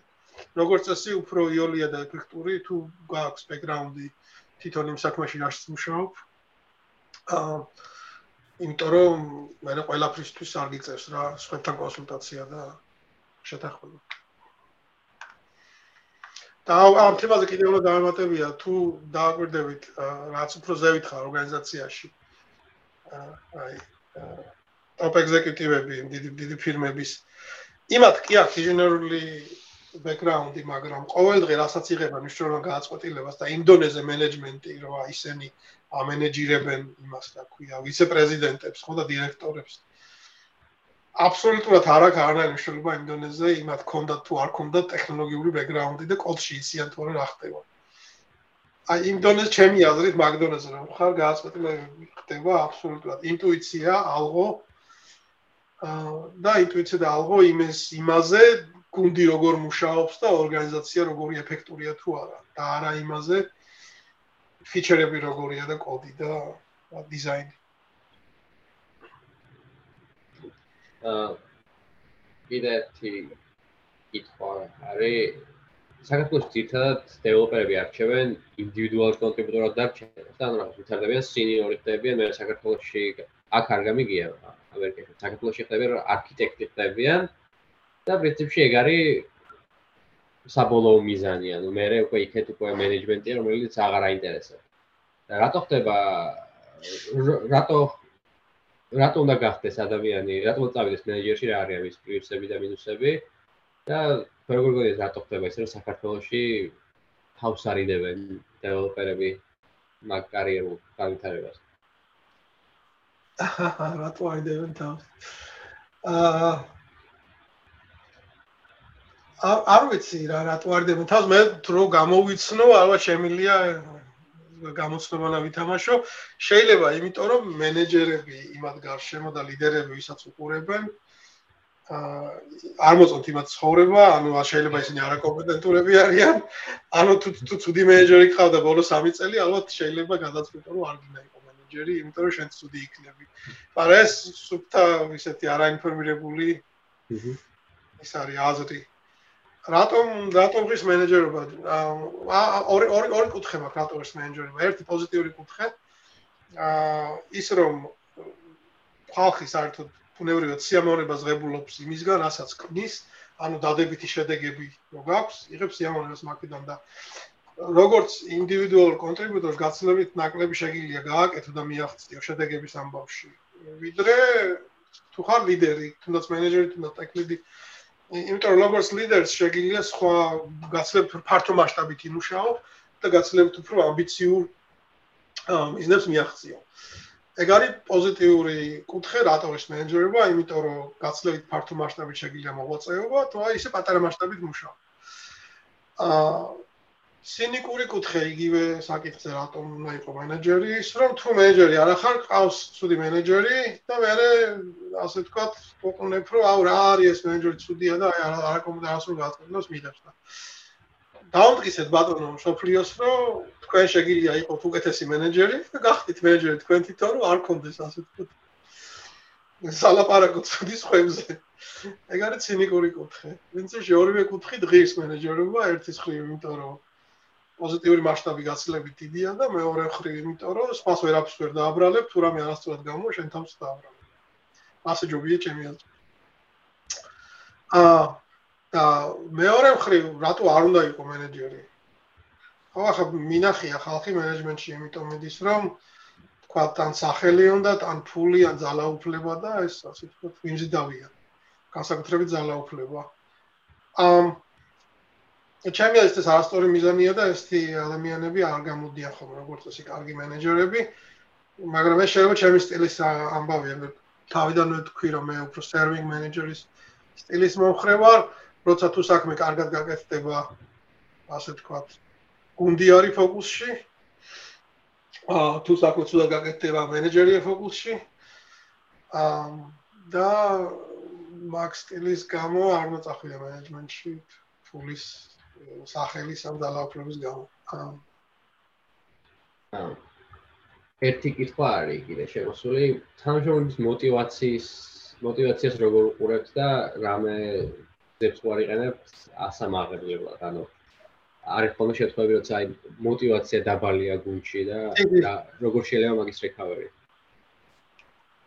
არის არის შემთხვევები ძალიან ძალიან ინდივიდუალური არის მიდგომა ამ საკითხზე, იმიტომ სხვადასხვა ხალხს სხვადასხვა გამოუواردებათ мотиваცია, ან პირიქით მოუვარდებათ мотиваცია. აა ხოდა ძალიან ძალიან ინდივიდუალურია რა. ძალიან ხშირად ისე ხდება, რომ იმის გამო გაარყიო, აი რატო არის мотиваცია ან პროდუქტიულობა დაბალი. აა ეს ადამიანი უნდა გენდოს შენ, იმიტომ რომ ესე ვიღაცა ეშარიდა რომ მოვა და გეტყვის, აბა მითხარი რატოა შენ უფრო დაბალი. დობის ფაქტორი არ არის. ხო და ყველაზე უფრო ეფექტური მიდგომა ჩემი აზრით ამ საკითხთან არის რომ დავახლოდე ადამიანს, მოიპოვო იმისი ნდობა, მოусმინო და აი მართლა გაარკვიო რა ჭირს, რა აწუხებს. აა და რატო აქვს დაბალი мотиваცია. აა რაც არის ძალიან შემოტევადი და ბევრი დრო ჭირდება, ანუ ეს დაზნსკეილ რასაც ქვია. ესეთი სიტუაციები თუ შეიქმნა, მე პირადად მიწევს თვეობით თვეობით დროს გატარება ვიღაცა ინდივიდუალთან. ყოველ ყოველ კვირა რამდენიმე საათი ალბათ რომ.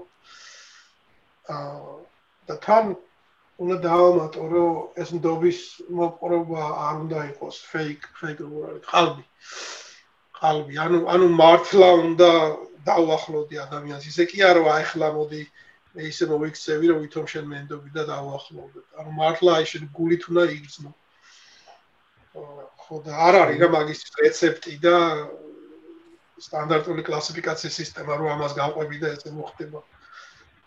ანუ რეალურად მუშაობაა რომ ადამიანზე ზრუნავდა დაუახლო და იმან გაგინაწილოს რაზე ფიქრობს რა აწუხებს და პროდუქტიულობა რატოა დაბალი და მე მაგის შესაბამისად შეიძლება მოვახდინოთ და მოვახერხო და დავეხმარო.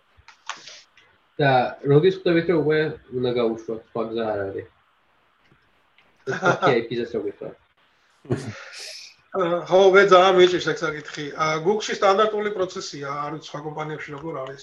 ჩვენი სტანდარტული პროცესი არის, რომ თუ პროდუქტიულობა ძალიან დაბალია, აა დიდი ხნის მანძილზე,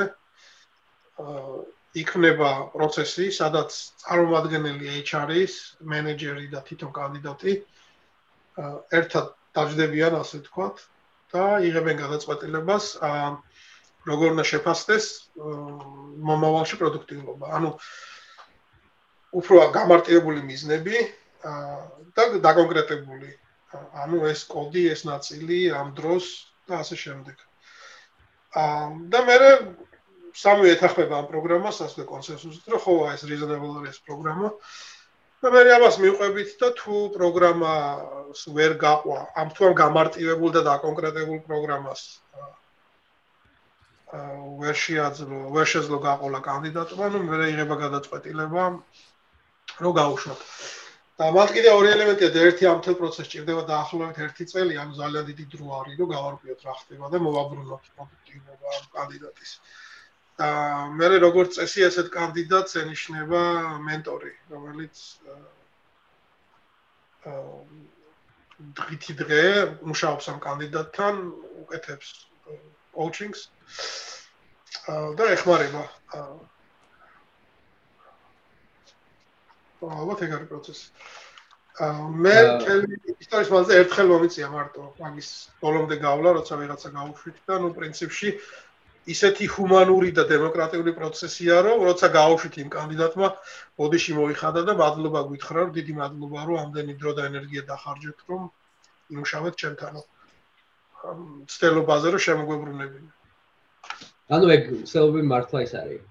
რეალური გულწრფელი ცდელობებია და ეგ არ არის რომ ძალიან გულწრფელი, ძალიან დიდი მუშაობა არის და ძალიან იშვიათად ხდება და მე ერთ-ერთი შემთხვევა მე რაც გქონია ჩემში ისე იმდენად ჰუმანური იყო რომ კანდიდატი დღესაც მეგობრულად ვართ.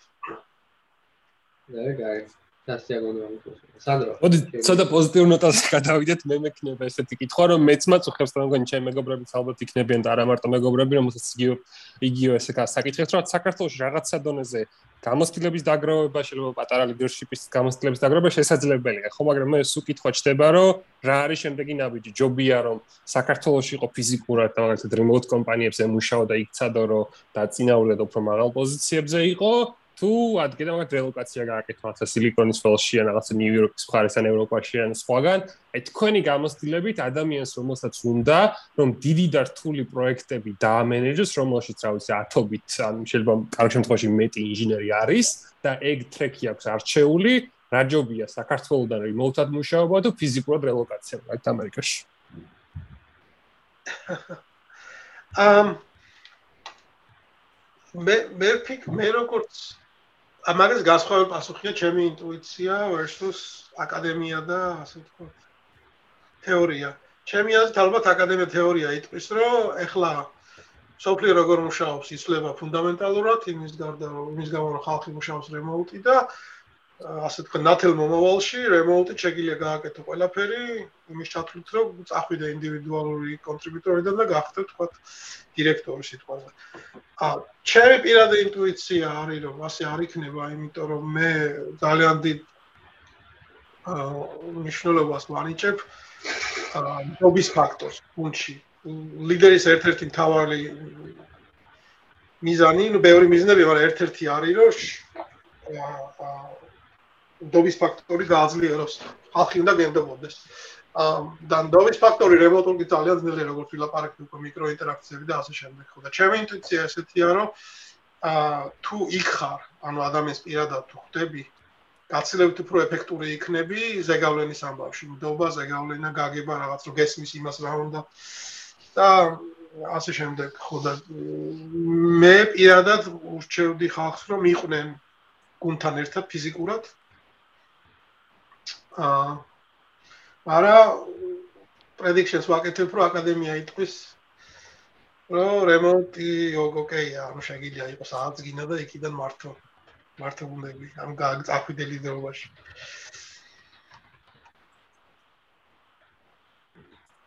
ისე რომ დავამატო ჩემი მას რა ქვია მიკრო ინტერაქციებზე დიდი ფენი ვარ. აა სამსახურიდან გარეთ გასვლა ლანჩზე თქვა რომ გახვიდე ლანჩი ან საღამოთი თქვა პივაზე. ან დინერზე ჩემი აზრით ერთ-ერთი უდიდესი ფაქტორია იმისი რომ შეიცნო ადამიანებმა შეიცნო ერთმანეთი და ენდონ ერთმანეთს ახლა და მე ყოველთვის ვცდილობ ჩემ ცნობილი ვარ ჩემ ტიმში მაგით რომ სულ ვცდილობ რაღაც გავაჩალიჩო რომ წავიყვანო რა ან აქტივიტიზი ან კარტ რეისინგი ან პროსტა ჰაიკი ან ლანჩი ან რაღაც საინტერესო რესტორანი ახალი ასე შემდეგ. ან თქვენ თიმში კარტრეისინგი არის იერი დაშვებული? ჩვენთან მახსოვს აკრძალეს რაღაცის მე. პერიოდი პერიოდი იყო კოვიდის, როცა არ შეიძლებოდა შეხვედრა. და ეხლა შეიძლება. უკვე რამდენიმე თვეა რა შეიძლება და მეც გაძლიერებულად ორგანიზირებ ბოლო ორი კვირის მანძილზე ორჯერ შევკრიბე ჩემი გუნდი გარეთ სადღაც ერთხელ ტყეში და ერთხელ აა ვაა, ცენ გაი. არა, როგორ ჩვენთან სკარტინგი რაღაც ინციდენტის მე აკრძალეს. აა ერთი კითხვა არის რომ სკრამზე და ეჯაილზე რას ფიქრობთ? იყენებთ მაგათ? აა ელემენტებს ვიყენებთ სკრამის და ეჯაილის. პრინციპში რაღაც გამოცდილება მაქვს ჩემ კარიერის მანძილზე, მაგრამ ისე არ მივყვებით ზუსტად პროცესს და თავისი მთელი კი ატრიბუტიკით, რა პოკერ გეიმი და ესეთი არ ვიცი ხა დღესდღეობით კიდე ითვლება თუ არა იმის ნაწილი უნდა იყოს გრამის, მაგრამ ჩვენ თავიდან ჩქარა მოვყავით ეგ. ეგ ნაწილი მოვყავით. ელემენტები ეჯალის რაც გვაქვს, რომ ამ წუთას მაგალითად ჩემ გუნდში ორკვირიანი მასშტაბით იგეგმება რას ვაკეთებ, ხან ერთი კვირა, ხან ორი კვირა გააჩნია როგორია საქმე. და ყოველ კვირა შეთხარ ვждები და თავიდან გეგმოთ შემდეგი ორი კვირა დეტალურად რა რა უნდა მივახციე და ასე შემდეგ. ანუ სტორი რა არის იუზერების და ვიდას აკეთებს. და კიდე daily stand-up-ები გვაქვს ყოველ დილა ხვდებით ერთმანეთს ვირტუალურად რა თქმა უნდა. და გამიხილავთ საქმე რა გაკეთდა, ვინ არის გაჭედილი, ანუ ვის დახმარება როგორ ჭირდება. და ანუ რა საქმეა მოსაკიდებელი რაც არავის არ მოუკიდია ჯერ ხელი და ან ბეკლოგში დევს იმის. რა ქვია სტრამის ხო და მაგხრი პრინციპში აჯილის ელემენტები არის მაგრამ კლასიკური აი რომ მოვიყვანოთ გარე კონსულტანტი აჯილის ალბათ შემოვიდა შემოვიდა თავში ხელა და მეტყვის რომ არასწორად ვაკეთებ ყველაფერს. რა ცილი არა ყავს თალკე ესენი რა ქვია თალკე როლი რომელიც რომელსაც ხო თალკე როლი თალკე როლიც არ არის ხო. აა რა ქვია მაგროლს სტეიკჰოლდერი თუ ოუნერი არა პროდუქტ ოუნერი არა. ეგ არის. მე მგონი საერთოდ სკრამ სკრამ მასტერი ხო არის? ეგ არის. ჩვენ ძალ დემოკრატიული სკრამი მაქვს კონკრეტულად. ყველანი ერთად რომელიც როლში უწერია, როლის აღწერაში უწერია განათლოს გუნდის წევრების კრამის და ეჯაილის შესახებ და რაღაცა ის არის. პროპაგანდა. კოუჩი ამბობ, გვეხმარ გვეხმარებიან კომენტარებში. ეჯაილ კოუჩი ხო არ ამბობ? არა, კოუჩი ზერო. მეგონი ან სკრამ მასტერი ან რაღაც ეგეთი ეჯაილ რაღაც ეს არის სახელი, ანუ სპეციალურად წავიკითხე რომ რა შედის მოვლენაში და ერთ-ერთი არის რომ უნდა იყოს პროპაგანდისტი გუნდში, რომ აი ეს არის და ამას მიყევით და სხვას თავი დაადენეთ. ეს არის ხო პროპაგანდისტი მე და ერთი მე და ერთი ადამიანი ვარ პროპაგანდისტები, მაგრამ მე უფრო რაღაც სნიკი სოფ პროპაგანდა არის, რომ არა არა ფორმალური როლია. ხო. მე მექნება ერთი კითხვა თუ შეიძლება ან ჩემი ისტორია ცოტა სასაცილო და Google შეასრულებს არ მიმშავე, მაგრამ ეგ ის წინ ინტერნეტი ვიყავი მის ცურიხის ოფისში.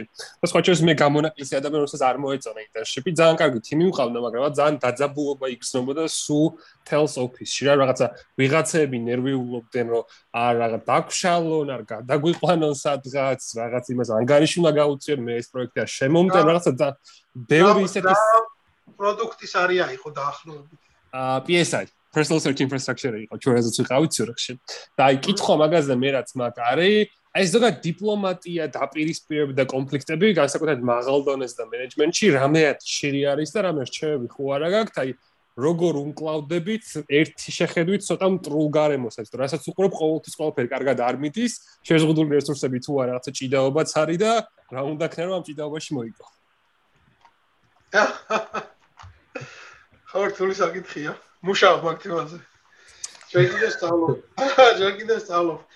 არის ალბათ შეიძლება ხანდახან არის რაღაც ელემენტი ინტროლოგის, მაგრამ მე პირადად ესეთი მეთოდი მაქვს, რომ თქვათ მე და ჩემი თანამშრომელი, ანუ სხვა მენეჯერი, თქვათ რაღაცაზე არ ვეთანხმებით ერთმანეთს, ხო? ყოველთვის ვთილობ, რომ ჯერ გადაწყდეს one on one დისკუსიებში, ანუ რაც შეიძლება მაქსიმალურად მაქსიმალურად შევეცადოთ გააცპატილების მიღებას და ეს თუ არ გადაწყდა, მე ვცდილობ გავარკვიოს ვინ არის ავტორიტეტი, ვინც შეიძლება მიიღოს გააცპატილება, ანუ ხანდახან კომიტეტია სპეციალური, ხანდახან ჩვენი საერთო მენეჯერია, დირექტორი ან VP ზევით. იმ ადამიანს თუ არენდობით კომიტეტს ან ავტორიტეტს დევით ატო დირექტორს ან VP-ს. მაშინ ალბათ არ უნდა მუშაობდე იმ ორგანიზაციაში, უნდა წახვიდე და თუ საბოლოო ინსტანციას ენდობი, რომ ის ინსტანცია რომ მიიღებს გადაწყვეტილებას სამართლიანად განიხილავს ყველა არგუმენტაციას და ნუ reasonable ის იქნება. რატომ მიიღო გადაწყვეტილება იმიტომ კი არა რომ თქვა იმას იმასთან აქვე ნაგულავებია გუშინ წინ და ახლა არა იმიტომ გადახედა იდეებს და რაღაც ის ჩაატარა ხო ანალიზი და ესე გადაწყვეტა თუნდაც ინტუიციით მაგრამ რატომ? უნდა არგუმენტაცია იყოს ოფშენ უნდა ენდოთ რა უმაღლეს ინსტანციებს თუ არ ენდობით უნდა წახვიდეთ და თუ უმაღლეს ინსტანცია არის ჯერ პროცესი ესეთი მაკრო სტილ ოფ პირადად one on one meeting-ებზე გავარკვიო, თუნდაც ჩამოვწეროთ distilling distilation გავაკეთოთ ასე ვთქვათ. ზუსტად რატო არ ვთანხმებით ერთმანეთს? პროზენ კონს ასე შემდეგ შეაჯეროთ და მე წავიდე ზედა ინსტანციაში. აა და მაგის მერე თუ გადაწყვეტილება ისეთი მიიღეს, რომელსაც მე მანამდე არ ვეთანხმებოდი, ვცდილობ რომ არ ვიფიქრო და არ ვინერვიულო მაგაზე და ასე ვთქვათ, არ არ ისაკმა გულში. ყოფილა, ვერჯერ ყოფილა ესე, რომ ვიღაც არ დავეთანხმე, დავწერე დოკუმენტი, pros cons, ესეთი ოპშენები 1 2 3 და წავიდა ზედა ინსტანციაში გადაწყვეტილება მიიღეს ის რომელიც არის მე მე აკეთებ არ მომწონდა მაგრამ მოგითხრათ რომ გულში ჩავშჩა და თავს ვაგზნობდი არა. ალბათ იმ მომენტში ემოციური რეაქცია ხო ცუდაგზნობ თავს მაგრამ მეორე დღეს უკვე ნუ პროცესი ეგეთია სამართლიანია პროცესი. პრინციპში ყველას ვენდობი. ხო ნუ moving on ой საინტერესოა ის რომ თუ შენ ზედა ინსტანციებს არენდობი ალბათ დიდი აზრი არ აქვს გაჩერება თუმცა რომ არენდობი ალბათ უნდა წახვიდე ხო ამიტომ რომ ძნელია მაგრამ ეკნა ზე შიდა კრიტიკებს რო კითხულობ ხოლმე რა ხდება როგორც დები თვათ ბევრი არის თვალისწინებს მაგ რჩევას და მაინც თილობს რომ რაღაც გამოცვალოს სიტუაცია ეს წერია ხო, Google ჩვენ პრინციპი გვაქვს როგორ არის disagree and commit. ქართულად როგორ თარგმნა არ ვიცი, მაგრამ ერთ-ერთი პრინციპი წარმოყენებული შიგნით არის, რომ კი შეიძლება არ დაეთანხმო, მაგრამ რომ გაივლი ამ პროცესს, რა ქვია, გადაწყვეტილების მიღების და რაღაც გადაწყვეტილება მიიღო, მერე უნდა გაყვერა იმ გადაწყვეტილებას, ანუ გაიშ გაი თავსიანო და ასე ვთქვათ, ხელი შეუწყო იმ გადაწყვეტილების წარმატებას და არა პირიქით საბოტაჟნიკი არ უნდა გახო. კარგი, მე მგონი უკვე 2 საათია საუბრობთ. უნდა შეგვიძლია წავიდეთ დასასრულისკენ. თითქოს ყველაფერმა გავიარეთ რაც გვინდა და აა ძალიან დიდი მადლობა რომ გამოგვიყავით ასე კვირის კვირადილა ასე ადრიანა და ჩვენთან ერთად იყავით. და ძალიან ბევრი ხალხი გვისმენდა და დადებითი კომენტარები. ძალიან სასიაოვნო იყო. მომავალზე ორი რაღაცა უნდა მეთქვა, ერთი დისტრიბუციულ სისტემებზე თუ იქნება თოლკი ალბათ საინტერესო იქნება და მე სიამოვნები დავესწრები და ალბათ დათო რაჭველიშვილს უნდა მოვიყვანოთ, იმიტომ რომ მაგი ჩემთან ერთად მუშაობდა GCS-ზე და საკმაოდ მაგარია დისტრიბუციულ სისტემებში დღესდღეობით. აა და მეორე ლიდერობაზე თუ იქნება მომავალი ტოლკები, სანდრო ჯეჯელავას გირჩევ ძალიან, სანდროსთან ნალაპარაკები მაქვს საკმაოდ მაგ თემაზე და ძალიან აქტუალებული ვარ მაგის იდეებით. აუცილებლად. და ლაპარაკის ეფექტურებით, ანუ როგორ შეუძლიათ ლაკონმა ჩამოაყალიბოს და გადმოგცეს ეს მნიშვნელოვანი იდეები, რაც მე მაგასთან შედარებით გაცილებით მიჭირს. თან სანდრო მე ვიცი თვითონაც ტექნიკური ბექგრაუნდი აქვს, ხო? კომაროველია ზუსტად ეს. კომაროველია.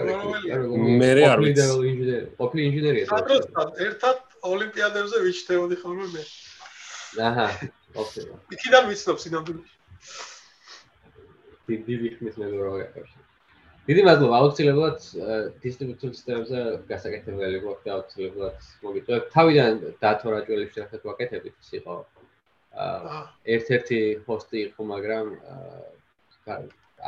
აღარ ეცალა დროის ნაკლებობის გამო დაკტოვა. თუმცა სტუმრად დავრუნდება და აწუხებია. ანუ მე თქვენ არ გითქვია სიტყვა გვიღალატა, მაგრამ ვიგრძენი ეს რაღაც. ღალატა ვერ ჩავთვლით ნამდვილად. ანუ გავიქცევი კიდე რაღაც პანარაში უნდა მეთქვა რომ ლიდერობა მარტო მენეჯმენტი არ არის, აი თქვენ ამ პოდკასტს რო აკეთებს ნათელი მაგალითია ლიდერობის. დიდი მადლობა. ხო, მე მეთქი რომ ძალიან კაია, იმიტომ რომ უნდა დაჩალიშტა მინდა მოდგე, გამოთვალო მომავალი რა არის, გაურკვევლობა ის, გაურკვევლობა გაარკვია და მომავალი დაგეგმო პრინციპში ლიდერები ხართ ორივე. კი, თან ჩვენ ის არის რომ ჩვენ გადაწყვეტილება გვინდოდა ასეთ თქვენ არ ხალხთან საუბარი, მაგრამ ეხლა პირდაპირ ხო არ ვეტყოდით რომ მოდით აბა ერთ-ერთ საათს დავიწყოთ ვილაპარაკოთ და ეხლა მე ვიტყოდა პოდკასტი გვაქვს და მოდით ეგ ხალხით მოგვისმეს და ვისაუბროთ ასე რომ ხალხის გაცნობისას გაცნობისთვის კაი ისა გვაქვს. კარგი, კარგი. პლატფორმა. აა ლიდერობაზე ვიტყვი რომ ერთ ამას როცა ვამზადებით ამ საუბარს ზუმში ვსაუბრობთ ეხლა და ერთ-ერთი რაც მაგია ვკითხა იყო რომ Zoom-ը რო არის მუშაობს სხვა რა ვარიანტი გაქვთ რა reliability-ის ხრიდან და ეგრევე ჩვენც Google Meet-იც გავუმართეთ გვერდზე რომ რო არის მუშაობს ყოფილიყავით ეს ვინ იყო ლიდერი ამ ყველაფერს დაგეგმაში კიდე გასარკვევია არის გისურვებ წარმატებებს და ყოველივე კარგს. დიდი მადლობა. ხონდის. ნახონდით და კიდე შევხვდებით მომავალში აუცილებლად.